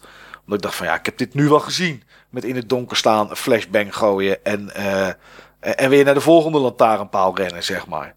Dus eh, Ah, deze keer gaat de geschiedenis zich niet herhalen. De, de, de game wel, ja, maar die geschiedenis niet. Nee, dat klopt. Ik ga dit, eh, dit ga ik wel uitspelen. Ik denk nog een uurtje of drie of zo. En dan zitten er nog wat extra gebieden in waar je naartoe kan. En eentje ben ik al geweest, maar kon ik niet verder. En dat zag er wel interessant uit. Dus misschien ga ik daar dan nog eens een, eh, een blik werpen, zeg maar. Toch een aantal mensen die toch wel vrij lyrisch over deze game zijn. Los van de performance dingetjes. Ja, Ik verwacht hem wel een beetje op eh, eindejaarslijstjes. Oh, ik eh, denk het niet. Nee? ik denk, Nee, ik denk dat er andere games zijn die, die beter zijn, denk ik. Ik denk wel dat hij ergens tussen de nominatie hier en daar zal zitten. Maar of die het... Ja, nominatie. Ja, eh, ja, nominatie zal die hier en daar. Kijk, de storytelling en de sfeer zijn echt wel goed. Dat hebben ze echt wel heel goed neergezet. En eh, personages zijn best interessant. Daar schort het niet heel erg aan. Maar ja, het, het is een Remedy game. En wat je zei, eh, Steve, met Max Payne, had je dat ook richting het einde. Dan kreeg je niet andere tegenstanders, maar kreeg je er gewoon meer. Ja, klopt. Ja, en daar zat Ik heb, ja, ik heb ook voor mijn gevoel heb ik gewoon steeds hetzelfde gedaan in die game. Ja. Gewoon bulletijn bij elkaar sparen. En wachten tot je helft dan weer een beetje oké is. En dan gewoon duiken en vanuit duiken dan schieten. Ja, ergens naar binnen, ergens naar binnen lopen en op de drempel springen en bullet time activeren en dan rondkijken, alles kapot schieten en door. Ja, ja dat is inderdaad, eh, dat waren Max Payne 1 en 2 inderdaad. Nou ja, en dit is ongeveer hetzelfde, alleen kan je hier vaak achter een muurtje gaan staan, zodat je net eh, niet gezien wordt door de tegenstanders en jij ze wel ziet. En dan kan je een beetje stenen gooien naar ze. Dus, eh, nou ja, goed. Het is, het is vermaak en het ziet er wel aardig uit. En eh, ja, nou ja, wie weet is het eh, voor anderen wel een, eh, een toffe game. Voor mij is het redelijk gemiddeld, laat ik het dan maar zo noemen. Goed, eh, tijd voor een korte break. En dan gaan we het hebben over lightgun games. Die, eh, nou ja, gewoon te lightgunnen zijn. Of misschien on-rails zijn of wat dan ook. Maar in ieder geval alles waarbij je een pistooltje in je handen hebt. En dan niet virtueel.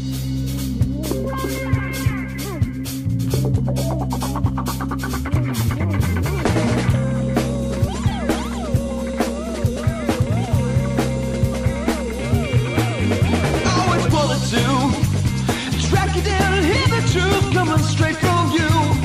Never knew where you had run, your only son. The child you never knew I could have been someone.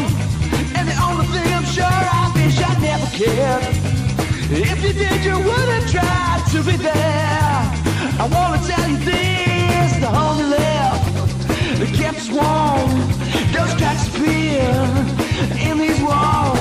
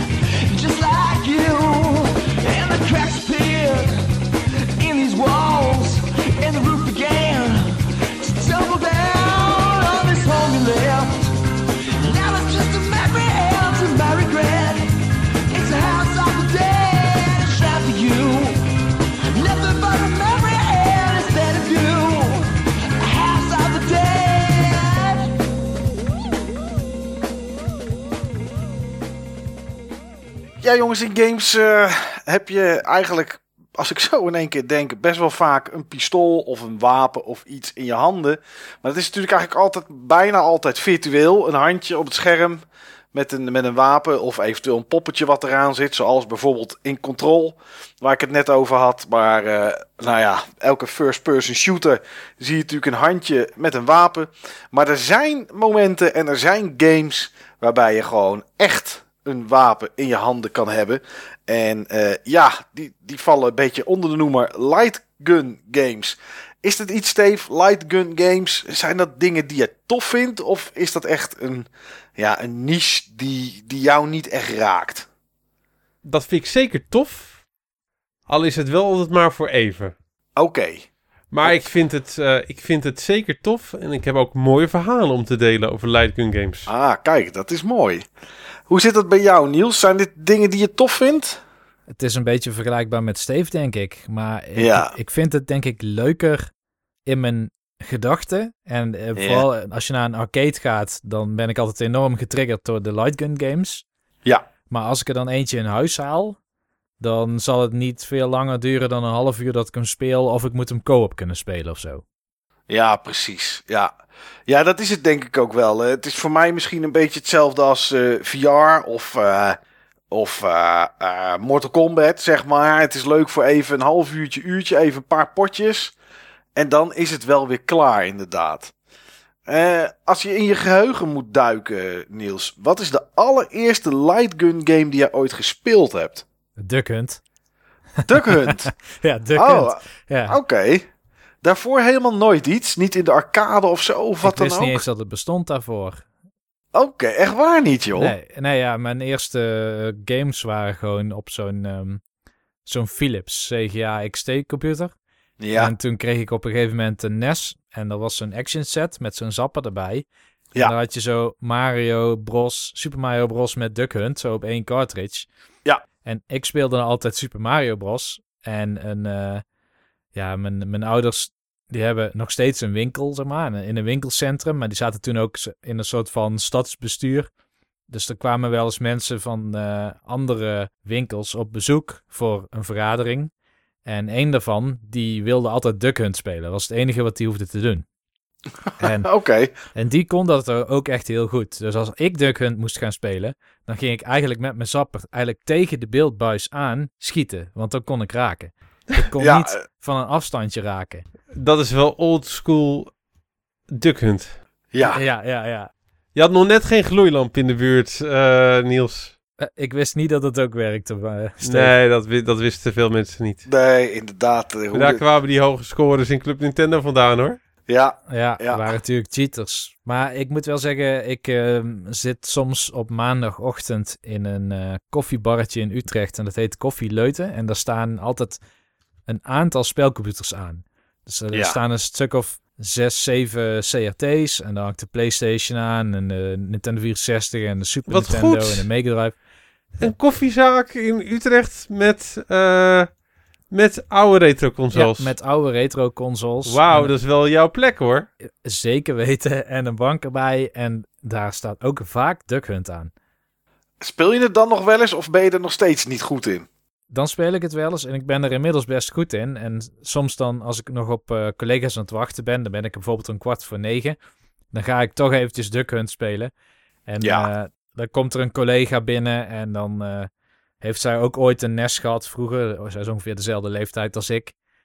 En dan is het zo'n eh, zo'n Pass the Zapper game geworden. Ja, precies. Maar dat is wel cool. Ja, en dan met twee ducks natuurlijk, hè? Twee, eh, twee eenden. Ja, ja, ja. Zo hoort Ja. het. Dus nu Ja. kan ik het wel, zeg maar. Maar ik merk wel dat ehm, het werkt voor mij het beste als ik wel die mikker die erop zit gebruik.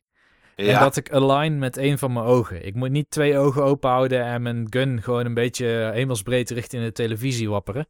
Dan gaat er niks gebeuren. Ik moet wel echt goed kijken. ja, één oog dicht en echt mikken. Juist. Ja, ja.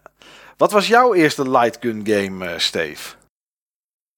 De eerste light gun game die ik ooit heb gezien was Duck Hunt. Daar kom ik zo meteen wel op. Ja. Maar de eerste light gun game die ik ooit heb gespeeld was Operation Wolf. Ja, inderdaad. Met, In de arcade. met een soort Uzi die daarop zat. Uzi. Ja? Gewoon een railgun. Oké, ja, dat zat, ik, volgens mij was het een soort Uzi, die, d- dat kan ik me herinneren. Maar dat Misschien- Uzi's, voor mijn gevoel was het een railgun, maar waarschijnlijk zal het een Uzi geweest zijn. Ik ga het wel eventjes checken. Komen we er zo meteen wel op. Ja.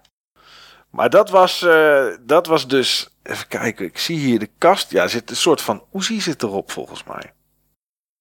Ja, een Uzi inderdaad, ja. Ja, Ja, maar dat was jouw allereerste light gun game dus.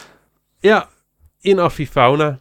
Oh, het bekende Avifauna, daar is Het bekende weer. Avifauna. En dan moest iemand jou optillen om bij die Uzi te komen. Of, of lukte dat nog wel zelf? Ja, misschien dat er iets stond waar je dan ook op kon gaan staan. Of ik, dat, dat weet ik niet meer. Ik denk dat ik gewoon stond hoor. Ja, Maar ik weet wel dat die, eh die Uzi had best wel veel eh, kickback voor kleine Steve. ja, inderdaad. Ja, je En kon- ik heb, ik heb mijn moeder enorm moeten overtuigen. eh, tot dit allemaal wel veilig was. Oh, ja, dat snap ik inderdaad. Ja, dat is natuurlijk het grote onbekende. Ja, die vonden het maar niks. Nee. En het was niet zeg maar dat ik dan zeg maar mensen dood ging schieten. Mijn vader zal er ongetwijfeld wat van gezegd hebben. Moet het nou, al dat- moet het nou allemaal al dat geweld? Ja. Maar eh, nee, nee, nee. Mijn vader, eh, mijn vader die, eh, die heeft er niet iets van gezegd. Heel gewoon deze herinnering tot hij gewoon nu pas terugkomt. Mijn vader heeft het voor mijn ogen ook staan spelen. Oh, die heeft het Dit zelf is- ook ja, dit, gespeeld. is, dit, dit is de eerste, dat is de enige arcade game die ik ooit mijn vader heb zien spelen. Oké, oh, dat is wel gaaf. Ja. Operation Oh, Wolf. wauw, hé. Wauw, hé. Ik heb op, opeens kwam die herinnering terug. Wauw, die is echt... eh, nou, dit is echt gewoon 30 jaar weg geweest. Ja. Wauw. Oké. Ja, mooi. Eh, Operation Wolf. Oké. Ja, ja. dit, de e- allereerste die ik gespeeld heb, en ik weet niet of dat echt onder een light gun game moet vallen, ehm, was ook in de arcade. En dat was nog voor Operation Wolf, maar vroeger had je in Scheveningen bij Hommerson had je ehm, ook kasten. Daar zat dan geen scherm in, geen beeldscherm. Er zat er wel een soort van, ja, rifle-achtig ding zat erop. En dan kon je van die targets neerschieten. Net zoals eigenlijk op de kermis. Alleen op de kermis eh, deed dat, had je een, een wapen wat je dan moest laden. En daar zaten ook een soort van kogeltjes in. Eh, dat was hier niet. Hoe het werkte, weet ik niet. Eh daar ben ik eigenlijk. Wat, daarna waren die kasten weg. Er zat ook niet echt een enorm win-element aan, zeg maar. Maar je had gewoon ja, van die ronde schietschijven en die kwamen dan omhoog. En dan kon je dan met een, ja, met een soort van lang, lang geweer kon je daarop schieten. En als het raak was, dan eh plopte, vielen ze zeg maar naar achter. Ja, meer, was, meer zat er niet aan, aan die, aan die games. Maar dat is de allereerste keer dat ik een, zeg maar, een wapen in mijn handen heb gehad. En daarmee, eh, en daarmee ben gaan schieten op een arcadekast. Ja, en daarna was het inderdaad... eh, We tellen dat gewoon mee hoor, Mike. ja, vind ik ook. Ik zou ook geen naam weten. Ik heb echt geen flauw idee. Er waren heel veel van dat soort kasten. Maar daarna inderdaad, eh, als je echt over, over ja, games praat, zoals we dat tegenwoordig doen, waren het inderdaad, was het Operation Wolf, met daarop volgend natuurlijk Operation Thunderbolt. En ehm, ja, dat, was, dat waren mijn eerste, eerste games, zeg maar. Maar het was altijd, het, het begon bij mij wel, net zoals bij jou, Steve. Maar ja, bij jou dus niet, Niels. Eh, begon het in de arcade, inderdaad. Eh, en later had ik ook wel Operation Wolf en Operation Thunderbolt had ik thuis. Maar die had ik dan op de Commodore 64 en op de Amiga. Ja, daar zaten geen lightguns aan. Dus dan moest je het gewoon met een joystick spelen. Ja, daar was de ervaring toch wel een heel stuk minder, moet ik zeggen. Ik had dan Operation Wolf op, eh, op mijn XT met muis. Ja. Dat was denk Ja, ik beter te spelen. Ja, en dit was zeg maar ook weer een van die flops, zeg maar, uit mijn oorspronkelijke bak met floppen. Ja. Waarbij er zeg maar heel ehm, cryptisch wolf, zeg maar, ehm, op, eh, op de disketten stond. Ja. En voor hetzelfde geld was het een of ander saai boekhoudpakket geweest. ja, dat had zomaar gekund. Maar hij werd gewoon lekker opgestart een keer en het bleek Operation Wolf te zijn. Ja. Dus daar was ik wel heel blij mee. Ja, dat snap ik inderdaad. Pap, pap, kijk wat we hier hebben. Ja. Wat jij ook gespeeld hebt op de kast. Ja. Ja. Ja, dat doet me denken, dat verhaal, en dat ik ooit een keer disketten zat, er stond op AutoCAD. Ik denk, auto, tof. Hier gaan we hard op. Dat was echt zo'n vector-programma voor architecten. Wat ook heel Ja. leuk was, heb ik ook veel meegewerkt. Ja, inderdaad. Ze gebruiken het nog steeds hè, om gebouwen in te tekenen Ja. en dat soort dingen allemaal. En eh, inrichting te doen van kantoorpanden. Maar dat heeft inderdaad niets te maken met auto's, eh, Niels. Nee, Nee. dat klopt. En ook niet met katten. Nee, ook niet. Jij dacht misschien is dit racen met Redcat. Maar dat is het niet eh, in Nee. dit geval. Zeker niet. Nee, maar de eerste, de eerste game ja, de, van jou thuis was dus sowieso eh Duck Hunt. Was voor jou ook de eerste thuis Duck Hunt, Steve? Die ik gespeeld heb wel, ja. Ja, ja, ja. Ja, voor mij ook. Ondanks dat ik vroeger nooit een NES had, kwam ik wel eens bij een, eh, een vriendje en die had een, eh, die had een NES. En ik moet toch zeggen, de eerste keer dat ik dat thuis deed bij iemand, was dat toch wel, eh, toch wel magisch, zeg maar. Dat je met, ja, gewoon met je pistool kon schieten op de tv. Ik had niet door dat er een vakje wit werd, wat we nu inmiddels allemaal wel weten natuurlijk. Ja, het welbekende trucje erachter. Ja, ja, vandaar dat jij net zei, hè, Steve, als je, als je op een licht, op een, eh, op een, een lamp schoot die maar fel genoeg wit was, dan dacht eh, de NES dat je raak schoot en dan ging er een eend neer. Ja, want eigenlijk zijn die lightguns een soort met van hele versimpelde scanners. Ja, En op het moment dat je schiet, dan ehm, verandert het beeld eventjes 1, 2 frames. En dan wordt de sprite vervangen door een wit vlak op die plek. En op het moment dat de scanner dan een wit vlak waarneemt, dan heb je raak geschoten. ja, Dat is zeg maar de meest primitieve vorm van die eh, thuis eh ja, lightgun games. Eh, andere lightgun games die zijn wel wat geavanceerder. Maar dit is dan zeg maar, als ik aan een lightgun game voor thuis denk, dan, dan werkt het in mijn hoofd zo. ja. Maar werkt Alleen het ook hoe- zo met twee duiven dan? Of eh, wat zijn duiven? Met twee eenden. Eenden. Ja, nou dat, dat was net wat ik wilde vragen. Want als je er twee hebt, hoe weet hij dan op welke je hebt geschoten? Goeie. Ja, dat weet ik ook eigenlijk niet. Want het was volgens mij alle twee wel een wit blokje. En niet dat het een een blokje was en het andere een rondje, denk ik. Ja, geen misschien, idee. Misschien dat we die tussendoor eventjes opzoeken. Ja, ja, Ja. daar kunnen, kunnen we zo meteen wel eens even kijken. Dan komen we daar later, eh, later nog wel eh, even op Oh, terug. Wauw, dat, ja, dat, eh, dat wist ik niet. Nee, Daar heb, ja. ik nooit over na, daar heb ik nooit over nagedacht. Nee, wij zijn niets van die cheaters. Je hebt ook zo'n ehm, zo'n blokje of zo'n hardware extensie waarmee je dus op moderne televisies ook weer Duck Hunt kan spelen. Oh ja, joh. Ja, die zag ik een keer volgens mij op Kickstarter of zo, of Indiegogo langskomen.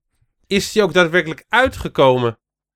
Ik dacht het wel, heb- maar die werkte... Ik heb, ook, ik heb ook wel zoiets voorbij zien komen, maar ik weet niet of het er daadwerkelijk is. Volgens mij werkt hij ook alleen maar op Duck Hunt en niet op allerlei andere spellen. Oké. Ja, dat is Ja, wel... want eh, dat is een beetje een dingetje. Daar hadden we het zeg maar in de vorige uitzending ook al over. Op basis van mijn House of the Dead ervaring op de Dreamcast. Ja. Want die Lightgun games voor thuis, die waren vrij picky in wat ze zeg maar konden accepteren. Eh, ze werkten al niet op CRT 100 Hz tv's, omdat dan zeg maar op dingen op een andere plek komen dan, dan ze verwachten. En ehm, ja, ze werken al helemaal niet op LCD tv's. Nee. Ik ben er inmiddels achter hoe het werkt. Oké, Ehm, verlicht ons. als je een één duk hebt en je schiet, dan wordt, wordt de duk vervangen door een blokje. En dat gebeurt dan in, eh, in twee frames. Het beeld wordt zwart en daarna komt er één frame met het witte blokje.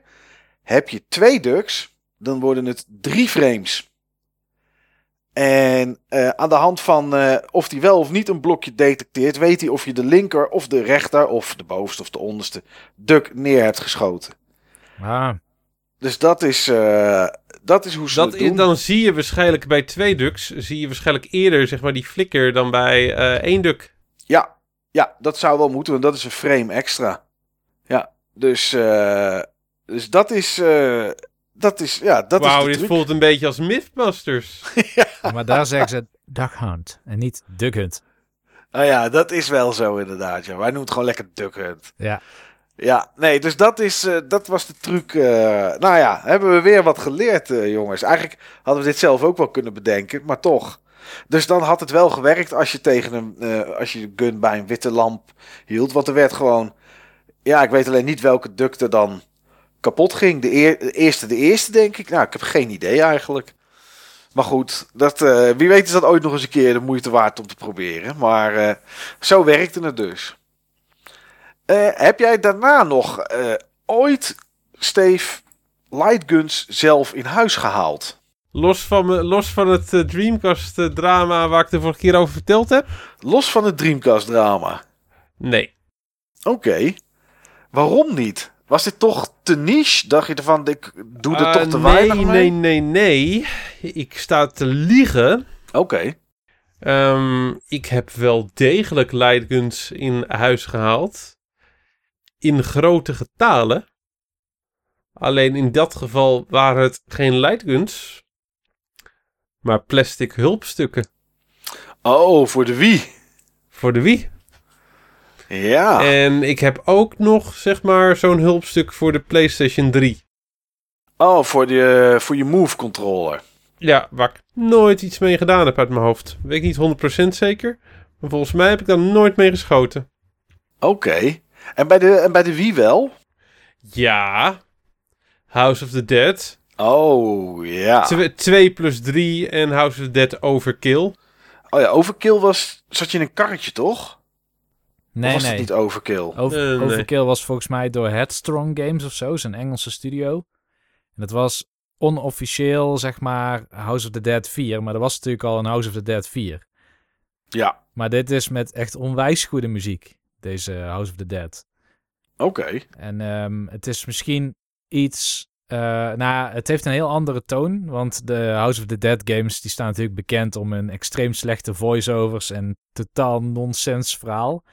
En eh, dit is eigenlijk een game die, die je misschien niet eens House of the Dead zou noemen als je niet wist dat dat de titel was. Maar eh, het verhaal is niet minder nonsens dan House of the Dead 1, 2 en 3. Nee. Maar het is een soort van arthouse, grindhouse, horrorfilm-achtige parodie. Echt heel erg Hmm. grappig. Oké. Oké, dus die is nog wel eens de moeite waard om, eh, om, eh, om te kopen dus. Ja, absoluut. Ja, ja, ja, zeker weten. Superleuk. Oké. En je hebt ook een pakket met, zeg maar, een, eh, ja, een, een gun shell. Ja. Een Magnum shell uit mijn hoofd. En die is, eh, ja, is een mooi pakket. Hij staat hier naast mij, nu ik me dit besef. Even pakken. Ja, er kwam een Game Boy Advance naar beneden. Ehm, Oh, Althans het doosje. Het is de House of the, House of the Dead Overkill Hand Cannon, heet die. oh heet ook echt handcannon. Ja. Ja, het is een hele grote doos en er zit een soort... Ja, het is een soort revolver shotgun-achtig iets of zo. Het is een heel onhandig pistool ook, want... Het, Dat is nou een Magnum. Ah, kijk dan. Nou, het, er zit een Magnum in. Eh, heel onhandig pistool. En het is niet het ijsje. nee. Maar ehm, wat ik hier lastig aan vond aan deze shell, want ik heb de shell ook, is ehm, het gewicht van de controller. Dat ligt allemaal naar voren. Dus je, je draagt best wel veel gewicht op je wijsvinger. Waar je ook de trigger weer mee moet omhalen. Ah, oké. Maar het is wel Nogmaals, gaaf om te zien. nogmaals Niels, dat is nou een Magnum. Vol, ik heb nooit met een Magnum geschoten, maar volgens mij is het met een echte Magnum niet heel anders. Nee, nee, ja, dat zou zomaar kunnen inderdaad. Oké, dus de, de, de Wii heeft nog een kans gehad. En eh, nou, de PS3, alleen nou, daar heb je nooit echt iets mee gedaan. Nee, daar heb ik eh, geen gebruik van gemaakt. Nee, oké. Heb jij na, eh na Duck Hunt nog andere, andere lightguns gekocht, eh, Niels? Nou, ik heb ehm, die GunCon controller wel eens gekocht. Voor de PS1? Ja, zonder dat ik de PS1 had in die tijd. Zeg maar. Dus ik dacht, Oh. ik koop binnenkort ooit wel een keer een PS1. Of misschien werkt hij ook op de PS2. Ehm, maar ja, dat is er eigenlijk niet van gekomen om daar ook games voor te kopen. Dus eh, die heb ik niet gebruikt. Ik heb wel de Super Scope bij een, eh, een eh, basisschoolvriend van mij uitgeprobeerd ooit. Oh, voor de Super Nintendo. Ja, en dus, daar zat dan, zat dan de Scope 6 bij of zo. Ik weet niet meer hoe die heet. Dat is Ja. die cartridge die je op die markten altijd ziet liggen. Ja, met zo'n zwart label en zo'n rood, rood tekstje erop met een streepje. Ja, nou dat waren allemaal hele suffe spellen. Dan kon je missiles of zo naar beneden schieten. Ehm, wat ik altijd wilde spelen en nog nooit heb gespeeld. En dat zou ik nog steeds wel graag een keer doen. Is die, die Yoshi Safari game of zo. Of, ik weet niet meer hoe die heet. Maar die zag er enorm mooi uit. Maar die kon je dan ook met die scope spelen. Nou ja, weet je, ik wil hem niet eens meer spelen trouwens, nu ik erover denk. Ik wil die scope nooit meer aanraken. Oh, die scope. Man, man, man, wat een onhandig ding, hé. Ja, Ik, heb hem, ik heb hem nooit eh, gebruikt. Ik had er wel één.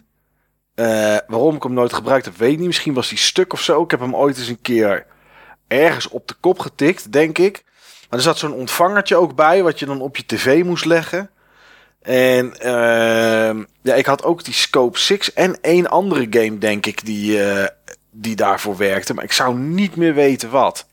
In ieder geval niet die Yoshi Safari. eh, dat weet ik wel, eh, Niels. Nou, er was een game, en ik weet alleen niet meer hoe die heet, maar die kwam toen volgens mij op... eh, Met die, met die Max? Ja, die ja. Die kwam op ehm, Powerplay. Was dat Battle Clash? Ja, volgens mij heet Ja. dat Battle Clash. En En die dat- zag er maar heel dat- tof uit. Oké, die zag er wel tof uit. Ja, nee, ik zie hier 2, 4, 6, 8, 10, 12, 13 games zijn er, eh, zijn er als het goed is uitgekomen. Voor de Super Nintendo, eh, met, voor de Superscope. Ook Operation Thunderbolt zie ik, Steve. Dus die hadden we daar wel mooi op kunnen spelen in die tijd. Ja, Ja, dat geweten hadden. ja inderdaad. Ja, ik heb ze nog wel eh, gekocht daarna. En ja, ik weet ook niet waarom. Maar eh, ik wilde een gun voor de PS1. Want dat vond ik tof. En eh, ik had daar een aantal games voor. Ehm, zoals eh, Point Blank bijvoorbeeld. En, eh, en, en hoe heet die ook alweer? Het was Time Crisis. Ja, Time Crisis natuurlijk. En ik vond de originele gun eigenlijk een beetje te duur. Volgens mij was die 120 of 130 gulden of zo. En ik had zoiets van, ja, dat wil ik er eigenlijk niet aan uitgeven. Dus wat deed ik? Ik eh, reed naar, eh, in Den Haag naar, eh, naar Mario Land. Of heet het Mario World? Oh, dat weet ik het niet meer. Waar je in ieder geval games kon huren. Wij noemden het gewoon Mario. Ik denk dat het Mario World was. En die verkochten ook allerlei consoles en, en accessoires. Naast het verhuren van games voor al, alle platformen die je maar kon bedenken. En ik ging daar naar binnen om te kijken voor een, voor een gun. Nou goed, eh, ze hadden ze en eh, niet de originele, dus niet de originele van Namco, niet de Guncon. Maar ze hadden eh, ja, andere partijen guns. En ze hadden een, gun, nou, het zag er echt te geweldig uit, jongens. Niet normaal. Er zat ook een soort force feedback op. Dat het bovenste gedeelte dat, dat, dat van de gun, net alsof je een kogel afschoot, dat klikte en weet ik wat allemaal. Dat was echt de geweldige gun. Kostte geloof ik 80 gulden. Dus een stukje minder dan en zag er een stuk toffer uit dan het grijze plastic ding met die rode knopjes van Namco. Goed, ik dat ding gekocht, meegenomen. Wat een baggerding. Dat ding werkte maar de helft van de tijd of niet. Ik heb hem nog een keer omgeruild. Eh, ja, dat was het gewoon echt niet. Dus dacht ik, ik moet een andere gun hebben. Koop ik dan die Nemco gun? Nee, natuurlijk niet. Ik ging voor de volgende. De volgende gun die ik kocht, die was eh, volgens mij iets duurder. Ik weet echt niet meer welk merk het was, want dat is echt te lang geleden. En dit was er een, die was nog heftiger. Dat was met een pedaal erbij. Oh, die heb ik wel eens gezien, nee. Ja, dan kon je op het pedaal kon je drukken. Dat was dan om te herladen. En eh, nou, bij Time Crisis kon je dat natuurlijk ook doen in de, in de arcade. Hè. Dan kon je ergens achter bukken. Dan was je aan het bukken. En als je dan het pedaal losliet, dan kwam je omhoog. En dan kon je schieten. En kon je het pedaal weer indrukken. En dan bukte je weer. Nou, te geweldig. Ik dat ding mee naar huis. Alles aansluiten. Werkte voor geen meter. Het was allemaal bagger. Inmiddels had ik eh, anderhalf keer het geld uitgegeven van een Nemco Guncon. Want ik zat volgens mij inmiddels al tegen de 180, 190, 200 gulden aan. Toen heb ik alle twee die guns opgepakt. In de prullenbak gedonderd. En ben ik gewoon naar de winkel gegaan. En heb ik uiteindelijk toch een Nemco Gun gekocht. Nou, dat was een verademing zeg. Alles werkte. Ik kon alle games kon ik spelen die, eh, die ik wilde. Ja, dat, dat was precies zoals het hoorde te werken, zeg maar. Eh, je moest hem aansluiten op de controlepoort. En, eh, en achter dan eh, zat er een stukje kabel tussen je, tussen je console en de tv-kabel, zeg maar, in. Daar sloot je dan ook een, eh, een, een, een kabeltje op aan. Ja, dat ding werkte gewoon. Dat ding, dat ding was gewoon helemaal goud. En daar heb ik toch wel wat avondjes eh, point blank met kameraden zitten spelen, zeg maar. Want dat was toch wel leuk. Die minigames met, met guns. Het, ja, het waren een beetje de Don en Ad van de PlayStation, om het maar zo te zeggen.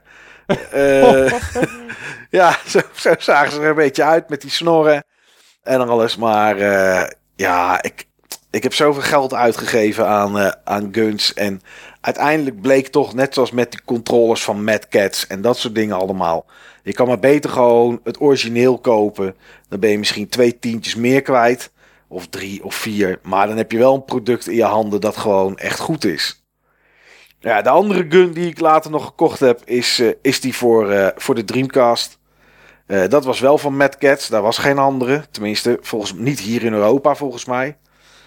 En... Wel in Europa, niet in, niet in Amerika. oh, was dat het? Oké. Oh ja, dat was dat verhaal. was- ja. In Europa was het de, wel degelijk de officiële gun. ja, nou, ik had de Mad Cats. Ehm, Was geen slecht ding hoor. Zeker niet. Alleen op dit moment is die wel kapot bij mij. Maar dat is denk ik door te strak het kabeltje oprollen. En dat er dan toch een breukje aan de onderkant van de gun, eh, van de gun komt. En eh, dat is iets, daar hou ik op beurs nog altijd wel mijn ogen voor open, zeg maar. Voor een Dreamcast eh, gun. Het enige wat ik ermee gespeeld heb is House of the Dead 2. De reden dat ik die gun ging kopen voor de Dreamcast was omdat ik in Spanje op vakantie heel vaak House of the Dead 2 speelde. Bijna elke avond. Samen met mijn eh, toenmalige vrouw. En eh, ja, dat, toen bleek dat, dat die game ook voor de Dreamcast er was of eraan kwam. Dacht ik van ja, weet je, dan moet ik gewoon zo'n gun hebben. En eh, Snap ik.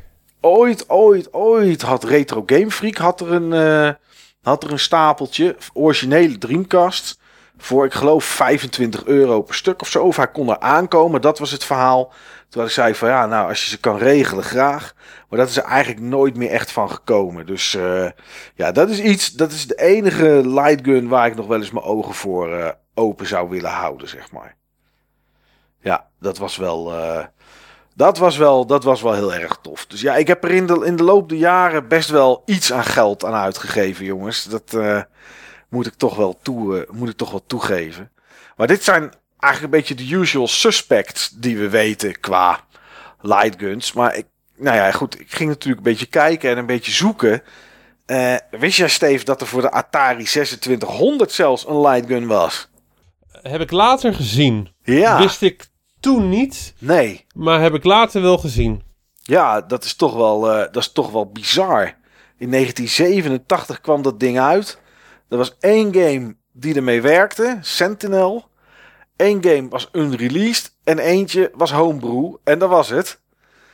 Dus dat was niet, eh, dat was niet extreem veel.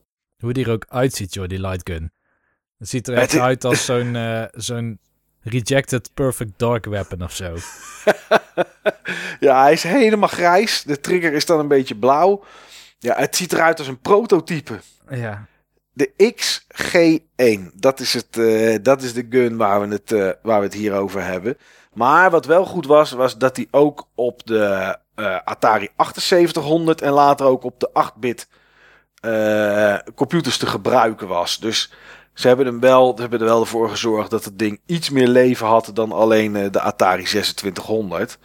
Dus ja, dat hebben ze, dat hebben ze wel goed, goed gedaan. Maar ook voor de Commodore 64, of zelfs voor de Magnavox Odyssey. Daar is ook een, eh, daar is ook een, eh, een, een gun voor verschenen. Eh, ja, of dat echt geweldige games waren, weet ik niet. Ik moet eerlijk zeggen, ik heb ze nog nooit gespeeld. Maar er zijn best wel wat, wat platformen waar ze, voor, waar ze voor uitgekomen zijn. ZX Spectrum, nou ja, de Sega's, je hebt het bijna allemaal gehad. Ook voor de CDI is een lightgun geweest. De Peacekeeper Revolver heet dat ding. Eh, ja, eh, dat was uiteraard met een game. En die wil ik. Ik weet niet of jullie het ooit gespeeld hebben of gezien. Maar voor mij was dat toch ook wel een beetje een soort van revolutie. Eh, in de arcade zag ik die voor het eerst. Mad Dog McCree. Ja, die had ik ook op het lijstje staan. Ja, dat was toch wel een bijzonder ding, Steve. Ja, zeker, zeker. Dat, eh, dan heb je het niet alleen zeg maar over, eh over lightguns, maar heb je het ook zeg maar over full motion video. Ja, maar dat was het inderdaad. Hè? Het, was Ja. een- het was full motion video en je kon gewoon op die ja, acteurs, zeg maar, kon je schieten. Stond je dan te schieten. Ja, Maar dat reageerde slecht hoor.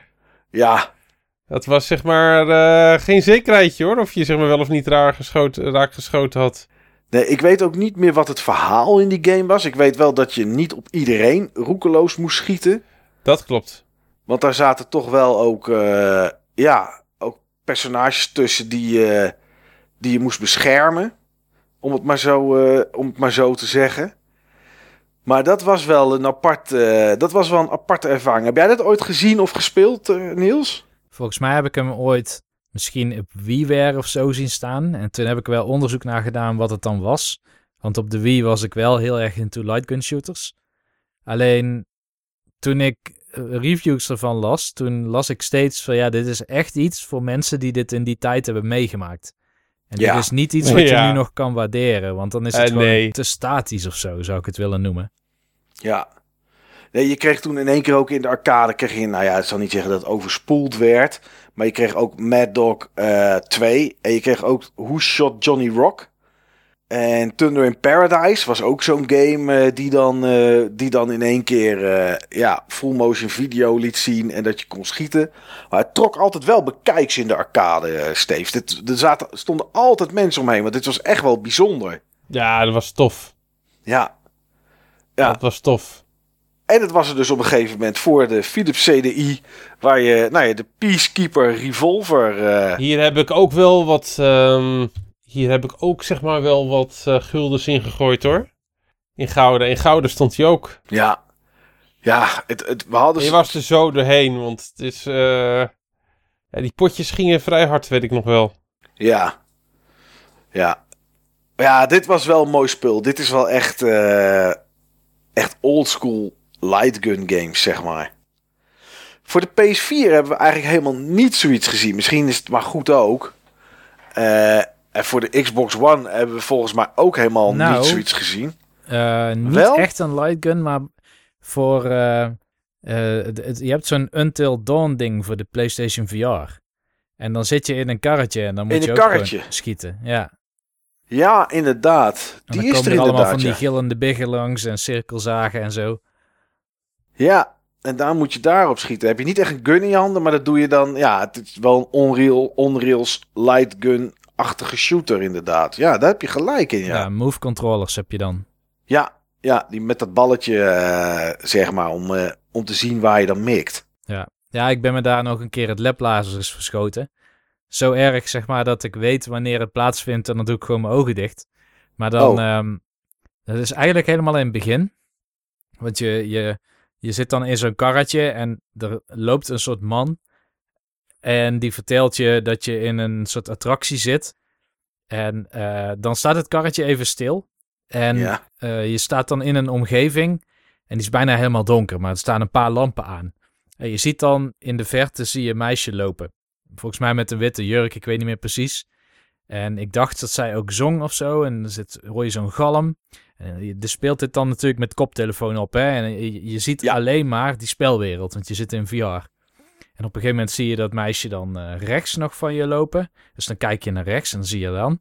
En vervolgens hoor je het geluid weer links van je. Dus dan kijk je links om en dan hop, dan staat er in één keer een, een beest zo of een heel eng monster op jouw karretje. Zeg maar recht voor je gezicht. Nou, dat, ik hou helemaal niet van jumpscares. Nee. En dat was wel jumpscare. De rest van de game was wel minder jumpscare, moet ik zeggen. Oké, maar dit, dit was toch wel eventjes een, eh, Oh een man, ja, ja. angstig ja. momentje. Maar wel, ja, ik vond het wel echt een, eh, een van de leukere PlayStation VR games die helemaal in het begin, zeg maar, rondom launch er al waren. Ja, ja, ja, dit ding was er vrij snel inderdaad. Ja, dat klopt. Ja. Hey Steve, eh, wat is jouw mooiste lightgun ervaring? Heb je, er, heb jij iets dat je denkt van dit moment met een lightgun vergeet ik echt nooit meer? Ja, wat ik heel tof vond, dat was zeg maar om voor de eerste keer en voor de tweede keer, allebei heel tof, ehm, Terminator Salvation te spelen in Tilburg bij, hoe heette die arcade nou ook weer? Ja. House of Game? Ja, volgens mij wel.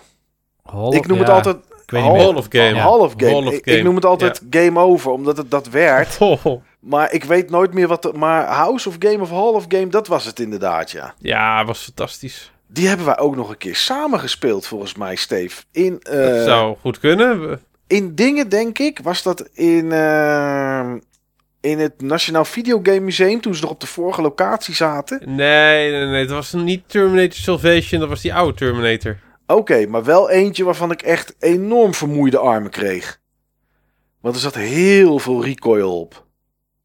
Dat weet ik wel. Dat was echt, echt vermoeiend. Ja, dat heb je wel met dat soort spellen? Ja.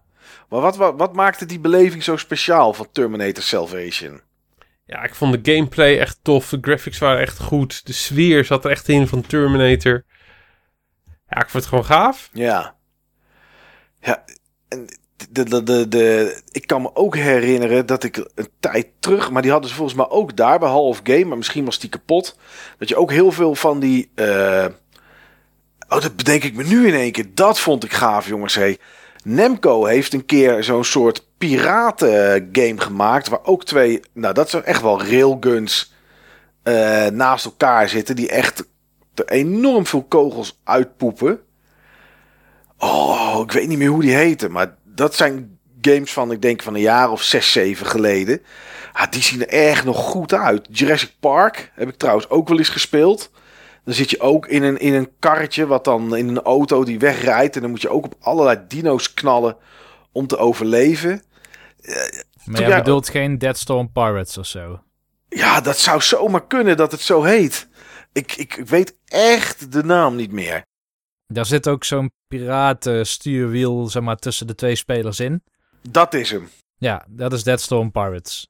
Ja, ja, en dan moet je inderdaad draaien aan dat wiel, welke kant je op wil of zo. Of in het begin moet je draaien, ik weet niet precies. Ja, je hebt bijvoorbeeld... Ik heb die toevallig dit jaar nog gespeeld. Eh, ja, daar was ik wel benieuwd naar inderdaad. Als jij, als jij de, de Aziatische kant optrekt, eh, Niels. Of daar in de arcade nog veel van dat soort light gun games staan. Ja, ja, zeker. Eh light gun games zat. Ook tegenwoordig met 3D-bril erin. En eh, allerlei pneumatische effecten, dat je nog extra schrikt. Je hebt zo'n House of Horror 4D, ik weet niet meer precies hoe het heet, maar zo heb ik het maar eh, onthouden. Die, eh, die heb ik dit jaar nog gespeeld. En dat, ja, dat is best wel verschrikkelijk, want dan komen er allerlei zombies op je af. En wanneer ze zeg maar met een jumpscare uit het raam komen, dan krijg je meteen een hoop wind in je gezicht. Oké, oh, dat lijkt me wel echt, echt schrikken dan. Maar weet je wat een hele bijzondere is? Ik heb hem denk ik wel genoemd een keer in de podcast, maar ik was eigenlijk al vergeten dat ik die had gespeeld. Je hebt een, ehm, een Luigi's Mansion light gun game. Ja, klopt. Oh, ik weet wel dat je wel eens verteld hebt, maar ik wist niet dat het light gun was. Ja, ja, ik heb dat ook gefilmd op mijn telefoon. Ik kwam die laatst tegen, want die klokte heel mijn, eh, mijn eh, SD-kaart vol. dus die Ja, is er dat nu zal af. wel. maar die zit eh, vast nog wel in Google Foto's of zo. Maar ja, dat is ook echt wel een hele toffe game. Ik weet niet wie dat dan maakt, maar ze worden dus ook nog steeds gemaakt. En eh, met name in Zuid-Korea kom ik ze ook nog veel in arcades tegen, ja. Oké.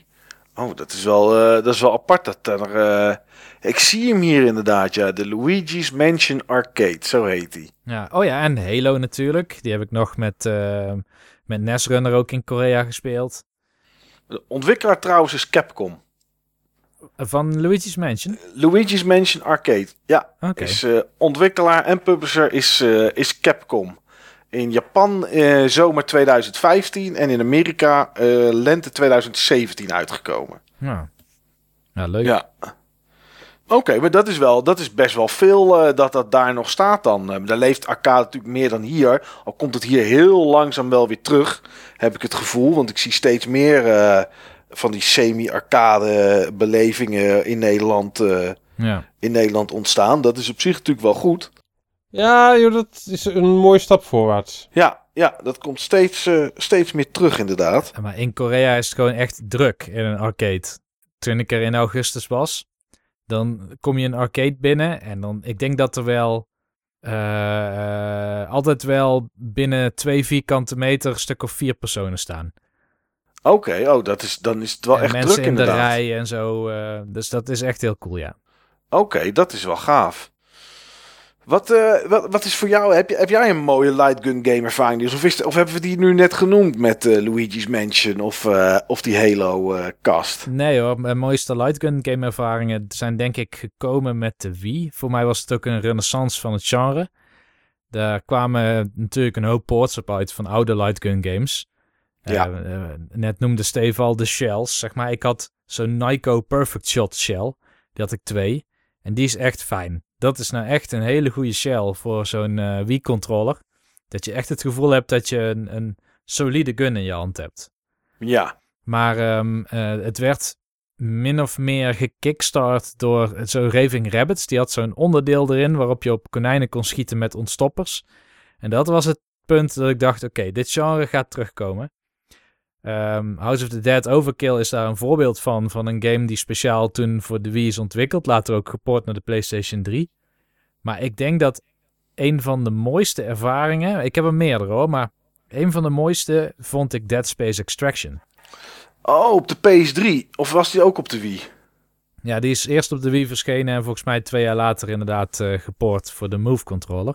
Ja, die heb ik een stukje gespeeld inderdaad, ja. Ja, ja die, die vond ik zo onwijs gaaf, want die, eh, je had daar soort van cirkelzagen die je kon schieten. Het waren meer energiezagen of zo, of cirkelvormige energiezaagdingen. En eh, je had heel veel van die insectoïde aliens die dan op je afkwamen, of monsters. Ja. En dan kon je met zo'n zaag zo'n poot afschieten. En dat is Ja. zo gaaf. En bovendien was die game best wel narratief vergeleken met heel veel andere light gun games. Dus het, het heeft helemaal niks met scores. Je krijgt nooit een soort performance indicatie. Ja, misschien tussen chapters, maar dat ben ik dan helemaal vergeten. Het is eigenlijk gewoon doorgaan, doorgaan, doorgaan. Eh, vrij cinematische ervaring, eh, maar ook veel met puzzels. Dus het is niet zo dat je de hele tijd eh, op een vaste route rondloopt en dat er dan waves aan enemies komen. En als je die af hebt, dat, dat het poppetje dan weer doorloopt. Het kan ook zijn dat je een keer achter een kanon moet gaan staan om kometen uit eh, de, de lucht te schieten.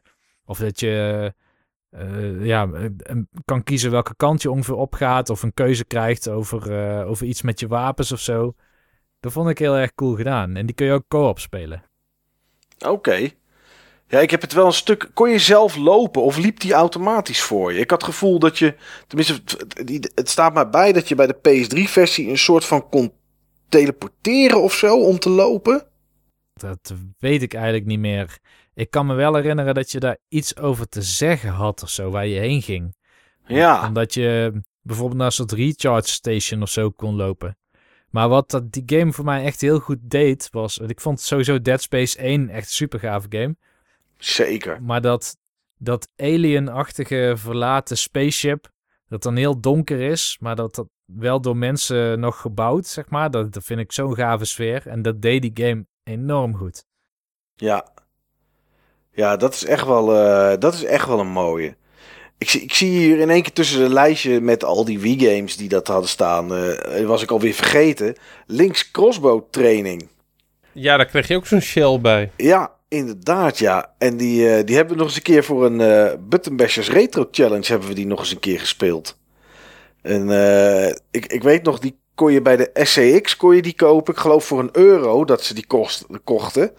Eh, kosten, bedoel ik. En, eh, want die dingen gingen natuurlijk voor geen meter weg meer eh, daar bij de, bij de CX. En toen hebben we met het forum, hebben we er geloof ik in een weekend, hebben we er een stuk of 10, 12 gekocht. Dus ze zullen bij de CX wel gedacht hebben, wat is er in één keer met links crossbow training eh, aan de hand? Die is hot. Ja, maar dat is ook best wel een aardige, een aardige game om, eh, om te spelen.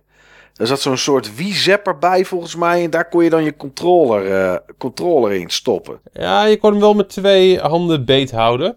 Oké. En volgens mij was er achterop was er ook een stukje voor je Joy-Con. Ah, om te lopen, nou, zeg maar. Joy-Con, ja, eh, die, die Nunchuk, andere. je eh, nunchuk, nunchuk inderdaad, ja. Ja.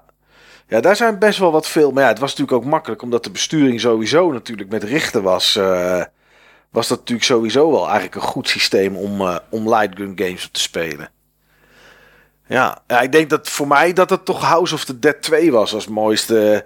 De, en dan op het moment dat ik dat thuis kon spelen. Het was zo arcade van, van, van de cast. Eh, en dan sta je in één keer in je huiskamer. Je gaat toch staan op een of andere manier. Ondanks dat de tv veel lager was. Ik weet niet waarom. Maar dat was de houding die ik vanuit de kast natuurlijk gewend Ja. was. Ja.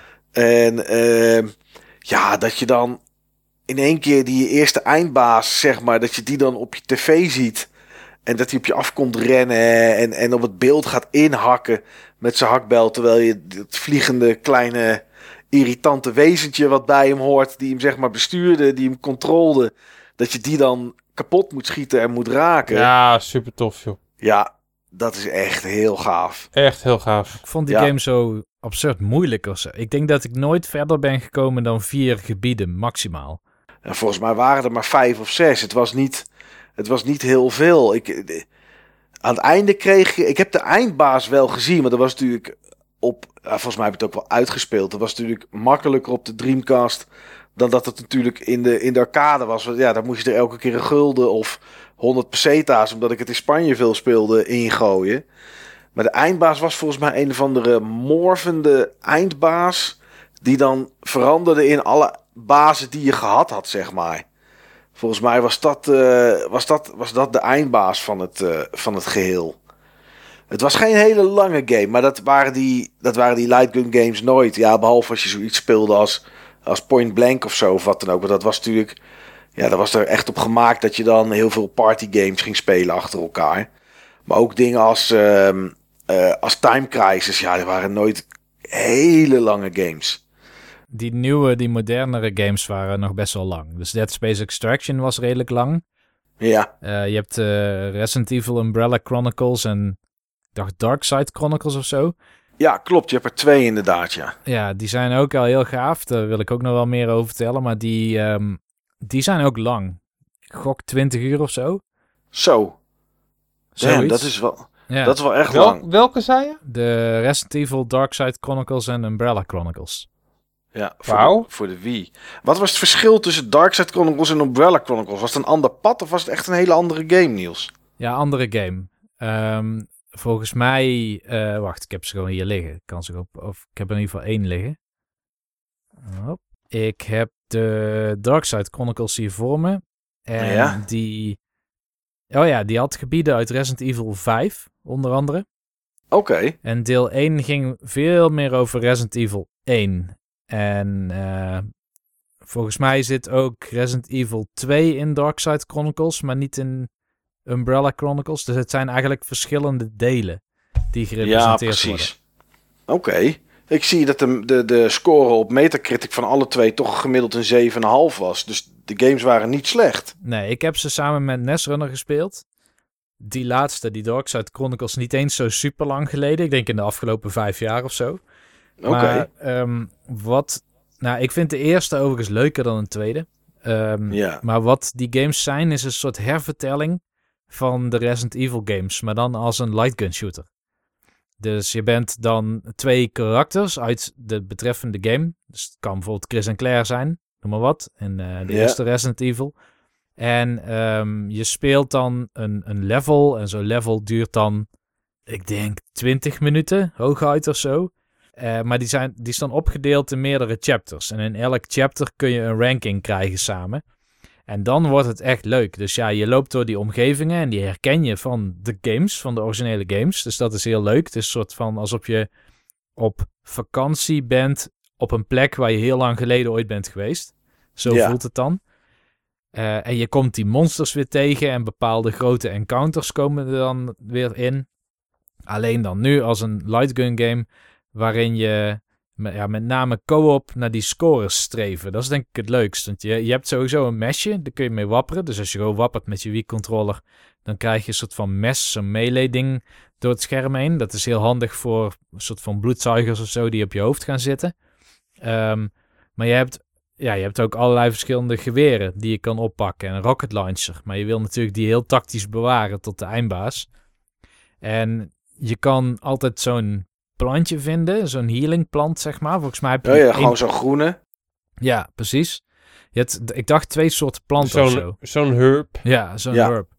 Ehm, en je hebt speciale items die je kan vinden. Maar wat ook belangrijk is, is voor zo'n S-score, of misschien had je wel S+, ik weet niet meer hoe het precies ging. Maar dan had je en tijd dat belangrijk was. Dus dan moest je heel snel schermen wipen, zeg maar. En ehm, je werd ook gewaardeerd naar aanleiding van hoeveel van de omgeving je kapot kreeg. Dus er waren heel veel destructible items. Al het servies en kastjes en alles kon kapot. Lampen kon je kapot schieten. Ehm, en vooral als je dan bijvoorbeeld in een ruimte was met heel veel computers en allerlei breekbare dingen, zullen we het maar noemen. Dan kon je bijvoorbeeld ook een handgranaat erin lobben. En dan knalde Oh, alles in één keer kapot. En dan heb je niet alleen die competitie met degene met wie het eigenlijk co-op speelt. Maar je hebt dan ook- ook uiteindelijk dat je samen probeert die score te halen. In een game in een hele gave omgeving die je heel goed kent. Ik van de games en Netrunner van de films. Want hij heeft die films dan kennelijk gezien. Oh ja. Maar ja, dat zijn hele goede games. Echt waar. Ja, dat, dit is wel iets om een keertje eh, mijn ogen voor open te houden als ik die ergens tegenkom. Maar het zullen vast weer geen goedkope games zijn, heb ik het gevoel. Jawel, volgens mij wel. En ik dacht dat op de PlayStation 2 Ja, ook volgens mij zoiets zijn ze is. inderdaad niet duur. Ze zijn ook best wel geflopt. Ja. Met name die tweede is geflopt, ja. En Niels is er enthousiast over, maar ze staan niet super bekend. Nee. Nou ja, ik zag 7,5 Metacritic. En bij de een van de twee, ik weet even niet welke, zag ik net staan dat die 1,4 miljoen keer verkocht is. Dus nou ja, dat is dan nog wel aardig. Maar, eh zou je nou voor de PlayStation 2, Niels, dat ze er ook waren? Nee, daar zijn andere Resident Evil first-person shooters voor uitgekomen. Van die lightgun shooters. Ja, daar heb je Resident Evil Dead Aim en Resident Evil Survivor 2 Code Veronica. Ja, precies. Die tweede, dat is volgens mij de blauwdruk voor die, eh, die Chronicles games op de Wii. Ah, oké. Ja, volgens mij, een van de twee heb ik volgens mij. Maar ik heb weer geen Lightgun voor de PS2. Ik heb geen Guncon 2. Die heb ik dan weer, eh, die heb ik dan weer niet. Dus dan zou ik die eigenlijk nog eens een keertje... Want die 1 werkt niet op de 2, hè? Eh, dacht het niet, nee. Nee, volgens mij ook niet. Hmm. Nou ja, daar zou ik eens naar moeten kijken eigenlijk. Of die, eh, of die, of die werken. Ja, misschien wel. Ik zie hier staan dat ze het wel zouden moeten doen. Ja, oké. Nou, dat is, wel eens, eh, dat is dan nog wel eens interessant om, eh, om, om naar te kijken. Heb jij nog aanbevelingen, Steve? Voordat ik straks natuurlijk ga vragen naar jullie top 3 van favoriete lightgun games. Ja, ik heb hem niet gespeeld, maar ik heb hele goede dingen gehoord over die Dead Space game. Ja, Ja. Extraction inderdaad. Ja, nee, die was echt wel, eh, die was echt wel tof. Ik denk niet dat ik de game, trouwens bedacht ik me net, gespeeld heb, Niels. Ik denk dat ik een demo heb gespeeld. Volgens mij was daar een demo van. Ja, eh, om die move je- toen te verkopen was dat. Precies. En ik denk dat ik die gespeeld heb. En ik weet, ik weet, het enige wat ik er nog van weet is dat je volgens mij buiten op een planeet begon en dat je daarna naar binnen moest of zo. Ja, dat kan kloppen, ja. Het ziet er heel mooi uit, ook voor wie begrippen. Nou, het enige nadeel, want ik heb ook die demo toen op de PlayStation gespeeld, maar die move moest je het kalibreren. Klopt. Ja, super irritant. En je moest op de Wii moest je ook best regelmatig kalibreren hoor. Ik weet niet hoe dat kwam met die light gun games. Ja. moest je vaker kalibreren dan bij andere spellen. Ik Oh, denk ja. omdat, je, omdat je heel snel je controller vaak van het scherm afdeed om natuurlijk te herladen. Want dat was natuurlijk eigenlijk, de, hebben we het helemaal niet over gehad. Maar zo werkte herladen natuurlijk 9 van de 10 keer jongens. Je was aan het schieten, daar waren je kogels op. Dan deed je je gun naar beneden of naar rechts van het scherm. Dan schoot je één keer en dan had je herladen. Maar dat zorgde wel voor, voor hele snelle bewegingen. Dus misschien dat dat ervoor zorgde dat die calibratie soms een beetje, ja, een beetje off was. Wat heel cool was, in ieder geval bij die eh, House of the Dead ports op de Wii, is dat je je, je kon de guns kalibreren op je televisie, waardoor die dus echt pixel perfect aiming had. Want normaal was het relatief, hè? Dat ook met de Move bijvoorbeeld, je aimt eigenlijk met de gyroscoop daar. Dus je aimt Ja. met sensoren, niet optisch. En de Wii-versies die aimden wel optisch, maar die hadden natuurlijk een vrij relatief begrip of zo van hoe je kamer of je televisie eruit zag. Maar je kan dan in het menu kun je dan ehm, middels een soort van target practice, waardoor je dus in de hoeken van de televisie moet schieten, Ja. kun je eh, kalibreren dat het echt klopt. Oké.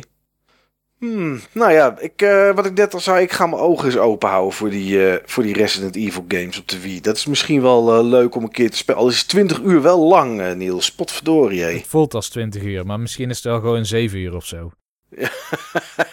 Ik denk niet dat het 20 uur is. Nee, dat denk ik ook niet. Dat denk ik ook niet. Ik zal eens heel snel kijken op How Long to Beat. Resident Evil Chronicles. Umbrella Chronicles. Volgens How Long to Beat doe je over eh, de main story van Umbrella Chronicles zo'n 7,5 uur. Eh, de main story plus wat extra's 12,5. En ben je een completionist, dan doe je er 21 uur over. Nou, dat ben jij natuurlijk, Niels. Dat was ik wel bij 1 inderdaad, ja. Bij 2 minder. Ja, ja. En hij is voor de PlayStation 3, de Wii en de Wii U uitgekomen. Oké. Ja, dus de- voor de PS3 zou die ook ergens te vinden moeten zijn. En nou ja, op de Wii U is waarschijnlijk dezelfde versie als de Wii. Maar gewoon dan in WiiWare of zo, denk ik. Ik eh, kan me niet voorstellen dat ze die op disc nog een keertje uitgebracht hebben. Nee. Nee, maar die, die beslaat inderdaad Resident Evil 0, 1, 2 en 3. En eh, wat, wat nooit eerder geziene locaties. Interessant. Ja. Voordat we naar een soort afsluitende top 3 gaan, jongens. Want dat hoort natuurlijk bij een, eh, bij een onderwerp zoals dit. Dan ben ik toch benieuwd wat jullie favoriete gun, light gun games zijn. Is er nog iets dat jullie kwijt willen? Dat je denkt, potverdorie. Net zoals de net, Steve. Dat je in één keer denkt, hé, hey, mijn vader speelde die game. Eh, dat er nog iets is dat je, dat je toch nog even kwijt wilt voordat we dat gaan doen? Ik wel. Oké. Door Duck Hunt Ja. heb ik bijna geen Nintendo gehad. Oh. Ja, Terwijl, terwijl je toch in de arcade al zoiets had gespeeld. En dat was met mannetjes. Dus wat was er aan de hand, Steve? Nou dat was niet zeg maar omdat mijn moeder eh, anti-gun was. Mhm. Maar mijn moeder had via via begrepen dat met zo'n eh, zo'n lichtpistool op je tv schieten, Oh jee, ja. dat je tv daar kapot van kon gaan. Echt waar, ja. Oh jee. Ja, Oh. ja dat was slecht voor je tv. Hoe zouden mensen daar ooit aan dat verhaal zijn gekomen? Ja, waarschijnlijk een, een van de freak accident dat iemands tv dan precies kapot gegaan was. Ja, op het moment dat er iemand met Via een- reguliere slijtage. En, eh, oh, dat komt door die spelcomputers, dat komt door dat lichtpistool. Ja, want dan schiet je en dan schiet je iets op je tv natuurlijk. Dat zullen ze wel gedacht hebben. Ja, In plaats van dat de tv gewoon een blokje laat zien. ja, Met toch al de frames die die normaal ook laat zien als je speelt. Alleen nu is het... exact. Ja, nu is het- Exact. Oh jeetje, hoe zou... Ja, dat zijn wel van die, van die enorme broodje aapverhalen die dan, eh, die dan de wereld in komen. Ja, en daarvoor had het eigenlijk nog gezorgd dat ik de Nintendo helemaal niet snapte. Hoe kwam dat dan? Ja, ik, ehm, ik, ik had zeg maar een Atari 2600. Ja, En op tv kwamen er allemaal reclames voorbij op Sky Channel, denk ik. oh Van de ja, NES. dat zal vast wel. Ja, Sky Ja. Channel. En ehm, ik zal zo meteen eventjes de reclame opzoeken. Ja, Maar ja, dan heb je zeg maar een apparaat en dan, dan, dan wordt er zeg maar met een pistool op de tv geschoten. En eh, op, op, op zeg maar op, op vogels. En dan heb je die robot.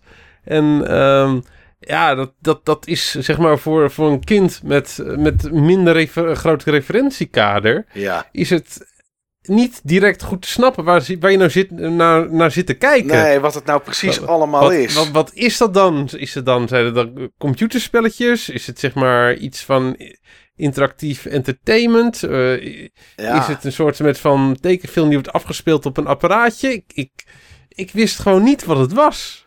Nee. Mooi eigenlijk wel, hè? Die onwetendheid, maar toch getriggerd zijn. Dat is iets wat vandaag de dag gewoon Ja, niet meer voorkomt. Klopt. Ja, Dat klopt. ja dat kan ik me wel voorstellen. Ja, en, en je kon het ook nergens opzoeken of wat dan ook. Dat ging allemaal niet. Nee, ik, ik wist ook helemaal niet wat het was, joh. Waar ik dat eh, Nee. een of ander grijze apparaat. En, eh, en later kreeg dan meer context. Ja, Eh, ja, en toen viel het kwartje natuurlijk, maar dat was toen niet inderdaad. nee. Ja. Nee. Ja, dat is sowieso natuurlijk de magie die we tegenwoordig kwijt zijn. Hè? Als je iets nieuws ziet of je weet niet wat het is, je tikt het in in Google. En binnen twee minuten ben je op de hoogte en weet je alles gewoon. Maar dat was in die tijd niet, nee. Ja, ja, ah, dat is wel leuk. Dat je iets ziet en dat je gewoon helemaal niet kan bevatten wat het nou is. Ja. Ah, Klopt. jongens, wat een mooie Mooi, tijd. Ja, zeker. Ja. Ja, eh, favoriete gun games, light gun games. Ik heb er voor mezelf drie. Ik heb er eh, over twee al gehad. Dus dat is eigenlijk niet zo'n verrassing meer eh, van, vanuit mijn kant. Maar het is natuurlijk niet een heel breed spectrum aan, aan games. Alhoewel, als je gaat kijken op Wikipedia wat er allemaal voor light gun games zijn geweest en light guns zijn gemaakt, zijn er meer gemaakt dan ik ooit heb gespeeld. Ik bedoel, ik heb voor de Commodore 64 nog nooit een light gun in mijn handen gehad. En terwijl er toch best wel wat games voor zijn, dat ik toch heel lang Commodore 64 heb gespeeld. Ehm, nou goed, la- laat, ik, laat ik aftrappen met eh, een van de twee die ik, al, eh, die ik al genoemd heb. Ja, kan natuurlijk niet anders. Het is een willekeurige volgorde dat House of the Dead 2 voor mij daar, eh, daarop staat. Gewoon door de ervaring van arcade, van arcade naar thuis. En daar gewoon dan die game uitspelen, zeg maar. Dat was toch, eh, ja, dat was toch wel een van de mooiste momenten met, eh, met lightguns. Dus ja, in ieder geval bij, bij drie van de beste lightguns games. Of ze ook echt goed waren, is een tweede. Maar mijn ervaring was dat er wel mee, zeg maar. Dus daar heb ik toch wel House of the Dead 2 in ieder geval tussen staan. Ehm, ja, Steve, ik geef de, de, de, de fakkel door aan jou, zeg maar. Het stokje door aan jou. Eh, eh, Ja, noem er maar eentje. Wat, was, wat is een van jouw favoriete lightgun Dan games? zet ik op, ehm, dan zet ik op drie House of the Dead. House of the Dead. Ik ben nog aan het denken. Ja, Drie. drie. Oké. Ja. Ik heb er eventjes over nagedacht om House of the Dead 4 erop te zetten met die Oesies. Ja, Maar House of the Dead 3 in de arcade ja. met shotguns. Dat is lekker. Mhm.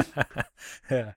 Niks, niks buiten, eh, buiten beeld schieten om te herladen. Kusjush. ja, gewoon tjik, klik, klik. Ja. Ja, ja, ja, dat was lekker. ja, dat is het inderdaad ook wel. Inderdaad, ja. Die was echt wel gaaf om te spelen. Jeetje, ja.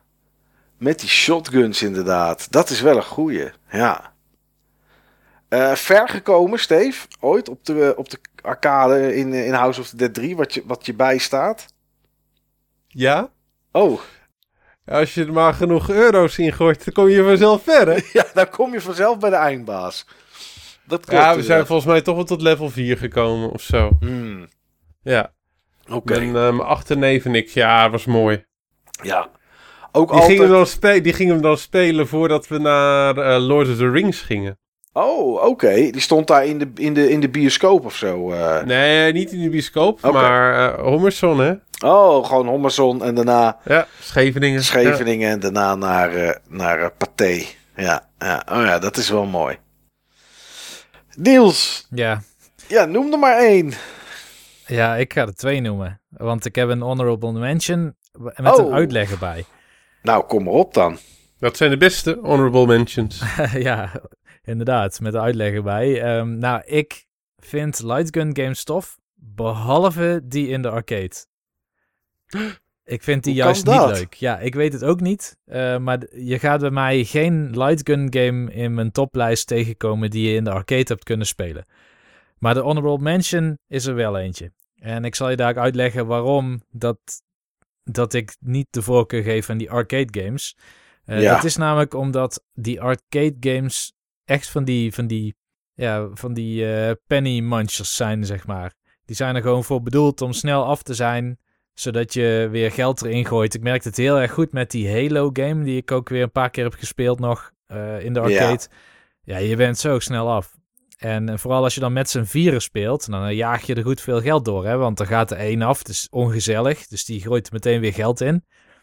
En uit- aan Ja. het einde van, eh, van een sessie van, laten we zeggen, een kwartier... dan ben je gewoon met z'n allen 15 euro verder, hè? Ja, Dus ja dat dat gaat gaat, hard. heel hard. Ja. Ja. Maar de enige game in die trant die ik wel echt heel goed vond... is een game die we nog niet hebben genoemd. En dat is Ghost Squad. En Ghost Squad is een vrij korte game. Ik denk dat je hem binnen 20 minuten uitspeelt. Maar elke keer dat je hem uitspeelt, dan unlock je een modifier om het spel iets moeilijker te maken. Dus de eerste keer speel je het, je bent een soort van commando en eh, door een vliegtuig eh, loop je dan en je duikt weg achter stoelen en er lopen allemaal eh, soldaten of wat ook zijn op je af. De eerste keer dan krijg je weliswaar vuur tegen je, maar je kan die soldaten vrij makkelijk afschieten. De tweede keer hebben ze schilden. De derde keer hebben ze nog meer schilden en lompere wapens. Of hebben ze meer ehm, hitpoints bijvoorbeeld. En zo evolueert het spel met je mee, zodat je altijd op een soort van motorisch plafond de game blijft spelen. Dat is heel cool gedaan. Dus die heb ik als honorable mention, als een soort van arcade game pick. Nou ja, wat is dan niet arcade, maar vind ik wel heel erg tof. Dat zijn die games die wat dat betreft meer een soort van campaign ervaring proberen aan te bieden. Gek genoeg zou je House of the Dead 2 en 3 daar wel een beetje onder kunnen scharen. Ehm, Ja. Maar die vond ik gewoon te moeilijk. En die lightgun games moeten niet zo moeilijk zijn, vind ik. Nee, je moet, het, je moet er een beetje leuk doorheen kunnen lopen, inderdaad. Dat snap ik wel. Ja, en dan heb ik uiteindelijk als nummer 3 Resident Evil The Umbrella Chronicles. Dus- Oké, Dus dat is die ene met 0, 1 en 2. 0, 1, 2 en 3. Eh, en Ja. 2 en 3, ja. Ja. Want dat is dan die game. Dat was ook de eerste die ik had gespeeld. Maar ik merk dat uit bijvoorbeeld Darkside Chronicles. Daar hebben ze toch iets van dat scoresysteem weggehaald. Dat is toch net iets primitiever. Het is misschien wel iets ambitieuzer met, met het verhaal. En je vliegt echt van hot naar her. Van de ene game naar de andere game. Maar ehm, in één zat denk ik meer structuur of zo. Die ik prettig vond. Ja, oké. Ehm, ja, ik weet niet. Nou ja, misschien staat het wel op. Is eigenlijk wel volgorde van 3, 2 en 1. Eh, als ik dan eh, op 3 House of the 2 heb, dan heb ik op, eh, heb ik op nummer 2 de Point Blank Games. Ik weet dat ze ook in de arcade zijn geweest. Ik heb er ooit eentje gezien, volgens mij. Ehm, in Scheveningen denk ik ook dat er eentje stond. Maar dat vind ik echt hele leuke games om te spelen. Ik weet niet welk deel het was. Er zat er ook een soort van story in. Dan liep je over een land, eh, over een landje. En dan ging je naar plekjes op zoek. En eh, er waren daar verhaaltjes. Nou, dat hoeft van mij niet. Ik vind dat wel leuk in House of the Dead. Ehm, daar vind ik het dan wel gaaf. Maar ja, en, en Time Crisis en zo. Maar ik vind, ja, zo'n point-blank game, daar gaat het toch een beetje om, eh, om de minigames. En dat waren altijd minigames met schiet minimaal 15 bordjes kapot om, eh, om door te gaan. En dan hoopt hij er toch 25 of 30 neer te schieten. Eh, eentjes neerschieten, targets, nou, van alles en nog wat. En vooral de afwisseling die daarin zit met wat voor, wat voor type minigames je daar hebt.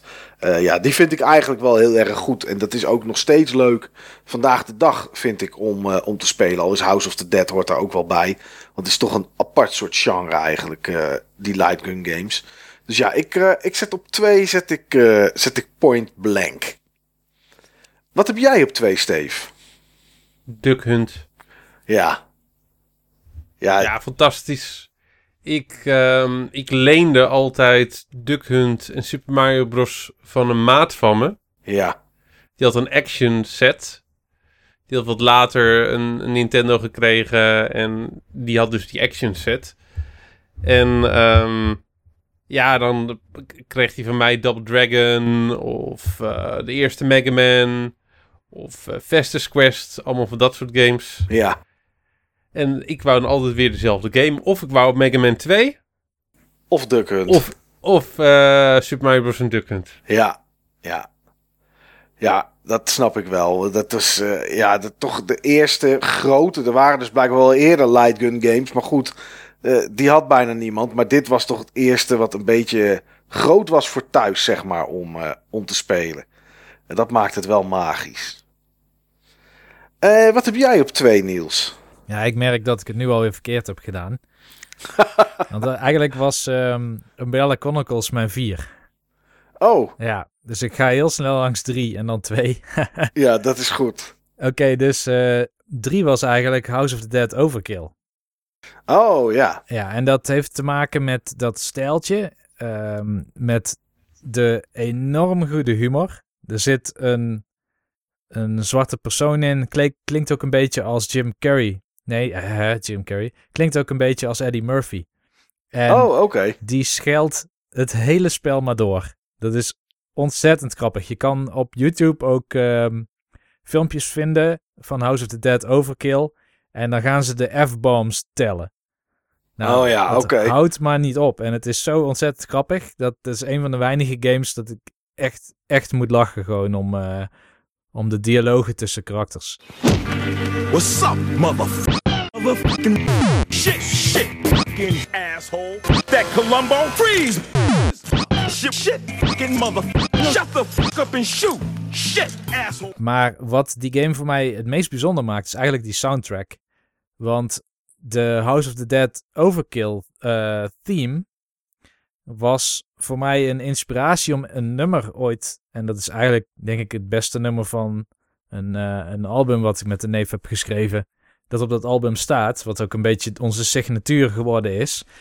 Maar ik zat naar die OST te luisteren van House of the Dead Overkill. Gewoon op de game zelf. Want dan kon je volgens mij in de soundcheck kon je muziek luisteren. En ehm, de main theme, waar ook vocals in zitten, daar zit een soort klank in van gitaren. En toen ik dat hoorde, dacht ik, dit is precies wat ik mis in het nummer. En dat heb ik dus in het nummer ook ingebracht. Eigenlijk met digitale gitaren, maar het klonk zo goed dat het met een echt gitaar gewoon niet na te doen was. Oké. Dus het is maar blijven zitten. M- Mike, ik denk- eventjes één vraag tussendoor aan jou. Ja. Is het nou een plagiaatbekenning? ja, dat is denk ik alleen als hij er echt veel geld aan heeft verdiend.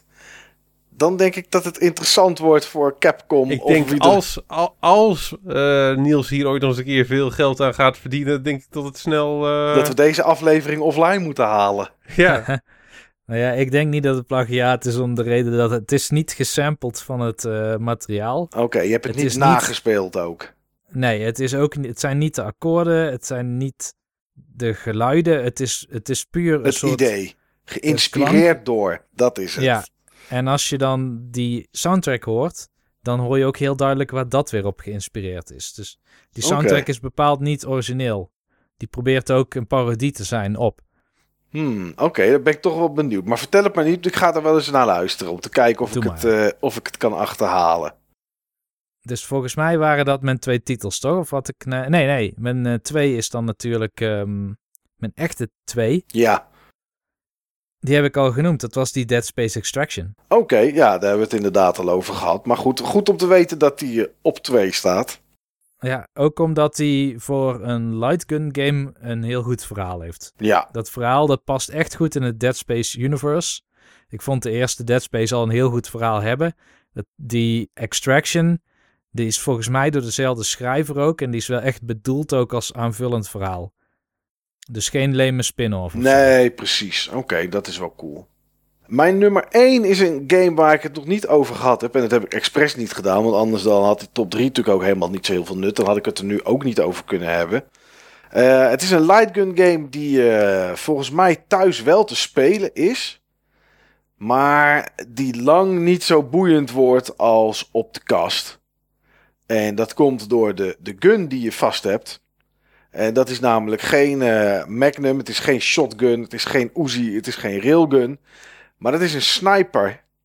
En eh, Ah, kijk, cool. ja, de game die ik echt het tofst vind is Silent Scope van eh, Konami. Ja, Silent Scope is ook super gaaf. Ja, Ja. Het is een, eh, voor de mensen die het niet kennen, het is eh, op de kast eh, heb je een eh, behoorlijk groot sniper rifle. Je hebt een gewoon normaal scherm waar je naar kan kijken. Maar als je door de scope kijkt van de sniper, dan, ja, dan zie je ingezoomd de game. En je bent een sniper en in het begin moet je, moet je, iemand, moet je wat mensen uit een gebouw moet je wegschieten. En je gaat dan echt, ja, je, je voelt je echt een sniper omdat je dat ding in je handen hebt. Het is best wel groot.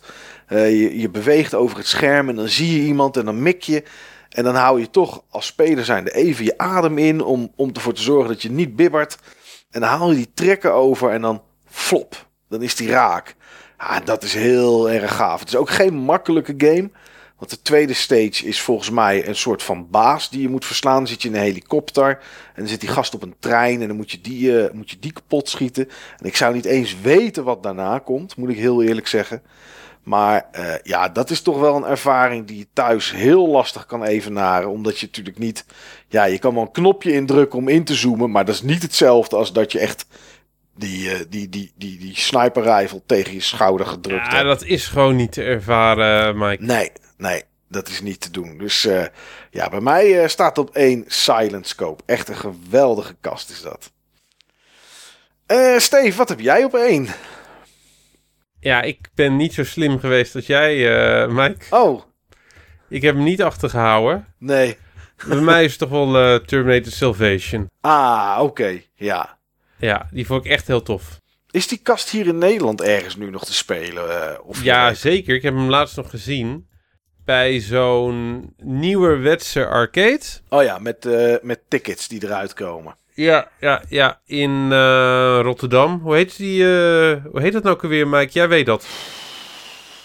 Eh, We hadden het er laatst nog over. ja, we hadden het er laatst over, dat weet ik. Want er komt ook zo eentje hier in Enschede volgens mij. Game State. Game State, dat is het inderdaad, ja. Ja, Bedankt, Mike. graag gedaan, eh, Steve.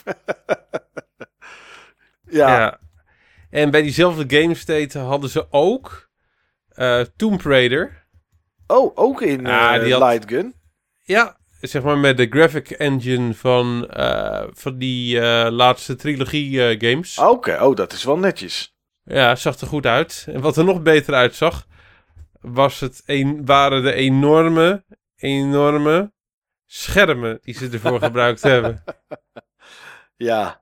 Ja, dat is sowieso bij nieuwe arcade Jij games. dacht dat ik eh, iets anders wou gaan zeggen. Nou, ik, eh, ik dacht ergens aan, maar ik, wist, ik denk ik hou me rustig. Het is gewoon een gigantisch scherm wat ze daarvoor gebruikt hebben. Dat is echt niet normaal. Dat is niet normaal. Ja, maar dat is sowieso bij eh, heel veel arcade games van nu. Er zitten echt natuurlijk sowieso hele mooie schermen in vergelijking met wat we vroeger hadden. En inderdaad heel vaak ook hele grote schermen. Dat is wel heel tof. Ja, dit was echt bizar. Ja. Game State in, eh, in Rotterdam dus. Daar staat, er, eh, daar staat er in ieder geval eentje. Ja. Oké, Ja, ja, cool. Klopt, cool. klopt. Super tof. Eh, Niels, wat is jouw nummer 1? Of de- kom je er nu weer achter dat je nog drie games op je lijstje hebt staan? nee hoor, het is echt één game. Maar ik heb natuurlijk ontzettend zitten stuntelen net. ja. Met, nee, dit is eigenlijk deel de Honorable Mention. En op twee heb ik twee games of zo. Nee, Ja. op één heb ik één game, maar daar zit wel een veiligheidje in. Oh. Een veiligheidje. Oké, ik ben benieuwd. Het ligt er maar aan. Ik weet niet of dat iedereen het als een lightgun game ziet. Maar ik zie het wel als een lightgun game, want je kan het met een lightgun spelen. Nou, dan keuren we hem goed. dat maakt het wel een light gun game. Ja. Ja, maar je kan ook een poppetje besturen, als je wilt. Eh, dat is Sin and Punishment 2. Successor to the Skies, of Successor of the Skies is het. Ik weet niet of dat iemand van jullie hem ooit heeft gespeeld. Het is zo'n Nee. Wii-game. Een vrij late Wii-game. Die Volgens ook mij, volgens mij is. heb ik hem wel. Nee, ik, Ik, ik, heb, die, niet, ik heb hem niet gespeeld. ik heb die nooit gespeeld, dat weet ik zeker. Wat, Ja, eh, dit vond ik zo'n geweldige game. Echt, echt geweldig. Dus het is ook een vrij over-the-top game. Je zou bijna denken dat of Cave of misschien in samenwerking met Platinum Games hem gemaakt zou hebben. Maar het is een, ehm, het is een, het is een game in ieder geval die je speelt door te richten op het scherm met je pointer. Ja. Eh, je kan daarbij ook een karakter besturen die dan eventueel met een zwaard dingen die heel dichtbij komen kan slaan. Volgens mij deed hij dat met, ehm, met, een- een knop of zo. Oké. En, eh, en met de triggers, zeg maar, kun je, kun je schieten. Eh, je kan het ook co-op spelen. Dan komt er gewoon nog een extra mikkertje bij. En je hebt gewoon een aantal levels met eh, ja, overweldigend veel vijanden op het scherm. En eh, het speelt heel erg snel en de camera eh, gaat automatisch door de omgeving heen. En die vliegt best wel spectaculair door de omgeving heen. Je komt in een soort van onderwatertunnel op een gegeven moment. Je bent tussen de hoge gebouwen. Soms storten er dingen in. Ja, het is, het is echt een, een soort van power trip. Iets wat ik moeilijk kan vergelijken met een ander spel. Als je het ergens mee zou moeten vergelijken, dan zeg ik: oké, het heeft ongeveer de energie van een eh, Super Contra of zo. Ja. Super Probotector. Ehm het is ook best wel met aliens en dingen bijvoorbeeld. En een shoot-em-up met heel veel kogels. Zo'n bullet hell, zeg maar. Ja, precies. Het poppetje bestuur je dan met de nunchuk of zo, eh, Niels? Ja, klopt. Je kan het dan ook bijvoorbeeld met een zapper spelen of in die Nyko Powershot. Dan zat er ook een opening in waar je je nunchuk nog steeds mee aan kon sluiten. Ja. En dat is gewoon ideaal. Maar volgens mij kon maar één iemand een poppetje besturen. En de andere eh, die speelde het echt puur als een lightgun shooter. Ja, precies. Die was alleen echt een target. Ja. Ik eh, had deze niet zien aankomen, ook omdat ik gewoon... Ik ken, ja, Sin and Punishment, de games ken ik wel. Maar ik wist helemaal niet dat dit zo op deze manier eh, te spelen was. eh, maar. Ik dacht eventjes dat hij bij Billy ging zeggen. Kon je daar ook bij schieten dan? Ja, volgens mij wel. Een gedeelte van het spel, dacht ik. Bayou Billy is denk ik mijn grootste miskoop ooit geweest. dat was nog eens een draak van een spel. Dat was zo'n nestspel waarvan ik dacht, hé, dit is een soort Double Dragon of zo. En dat was ook, behalve dat het eerste moeras wat je tegenkomt, gewoon scherm 1. Je loopt ergens het water in, je komt bijna niet vooruit en je wordt door vier gasten in elkaar getrapt. Nou, nog maar Een soort keer van. Double Dragon. Ik zie het hier in de staat staan. The Adventures of Bayou Billy contains lightgun sequences. Ja, dus dat is... eh, dat zit er inderdaad I, know, my- I know my shit. Zeker weten. In stages 2 en 7. Dan wordt het een rail shooter. En eh, die kan met een standaard controller of met de zapper kan die geschoten, kan die gespeeld worden. Ja, ja. Oké, maar dat is het niet, eh, Niels. Het is, eh, het is Sin and Punishment 2. Ja, ik weet niet wat deel 1 nou precies is. Dat was een Nintendo 64 game van Treasure.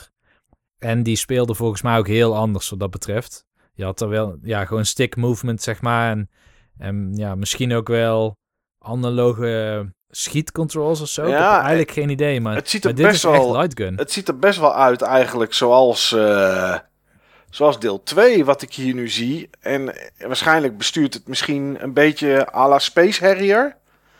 Dat zou wel eens... eh, dat, ja, dat zie ik me wel voor me, ja. Ja, ja. dat zou wel eens kunnen. Maar het is inderdaad ook een poppetje dat loopt, tenminste de gameplay. Die ik hier zie. En dan eh, ja, is het inderdaad ook met zo'n target. En dan bewegen en, en schieten inderdaad.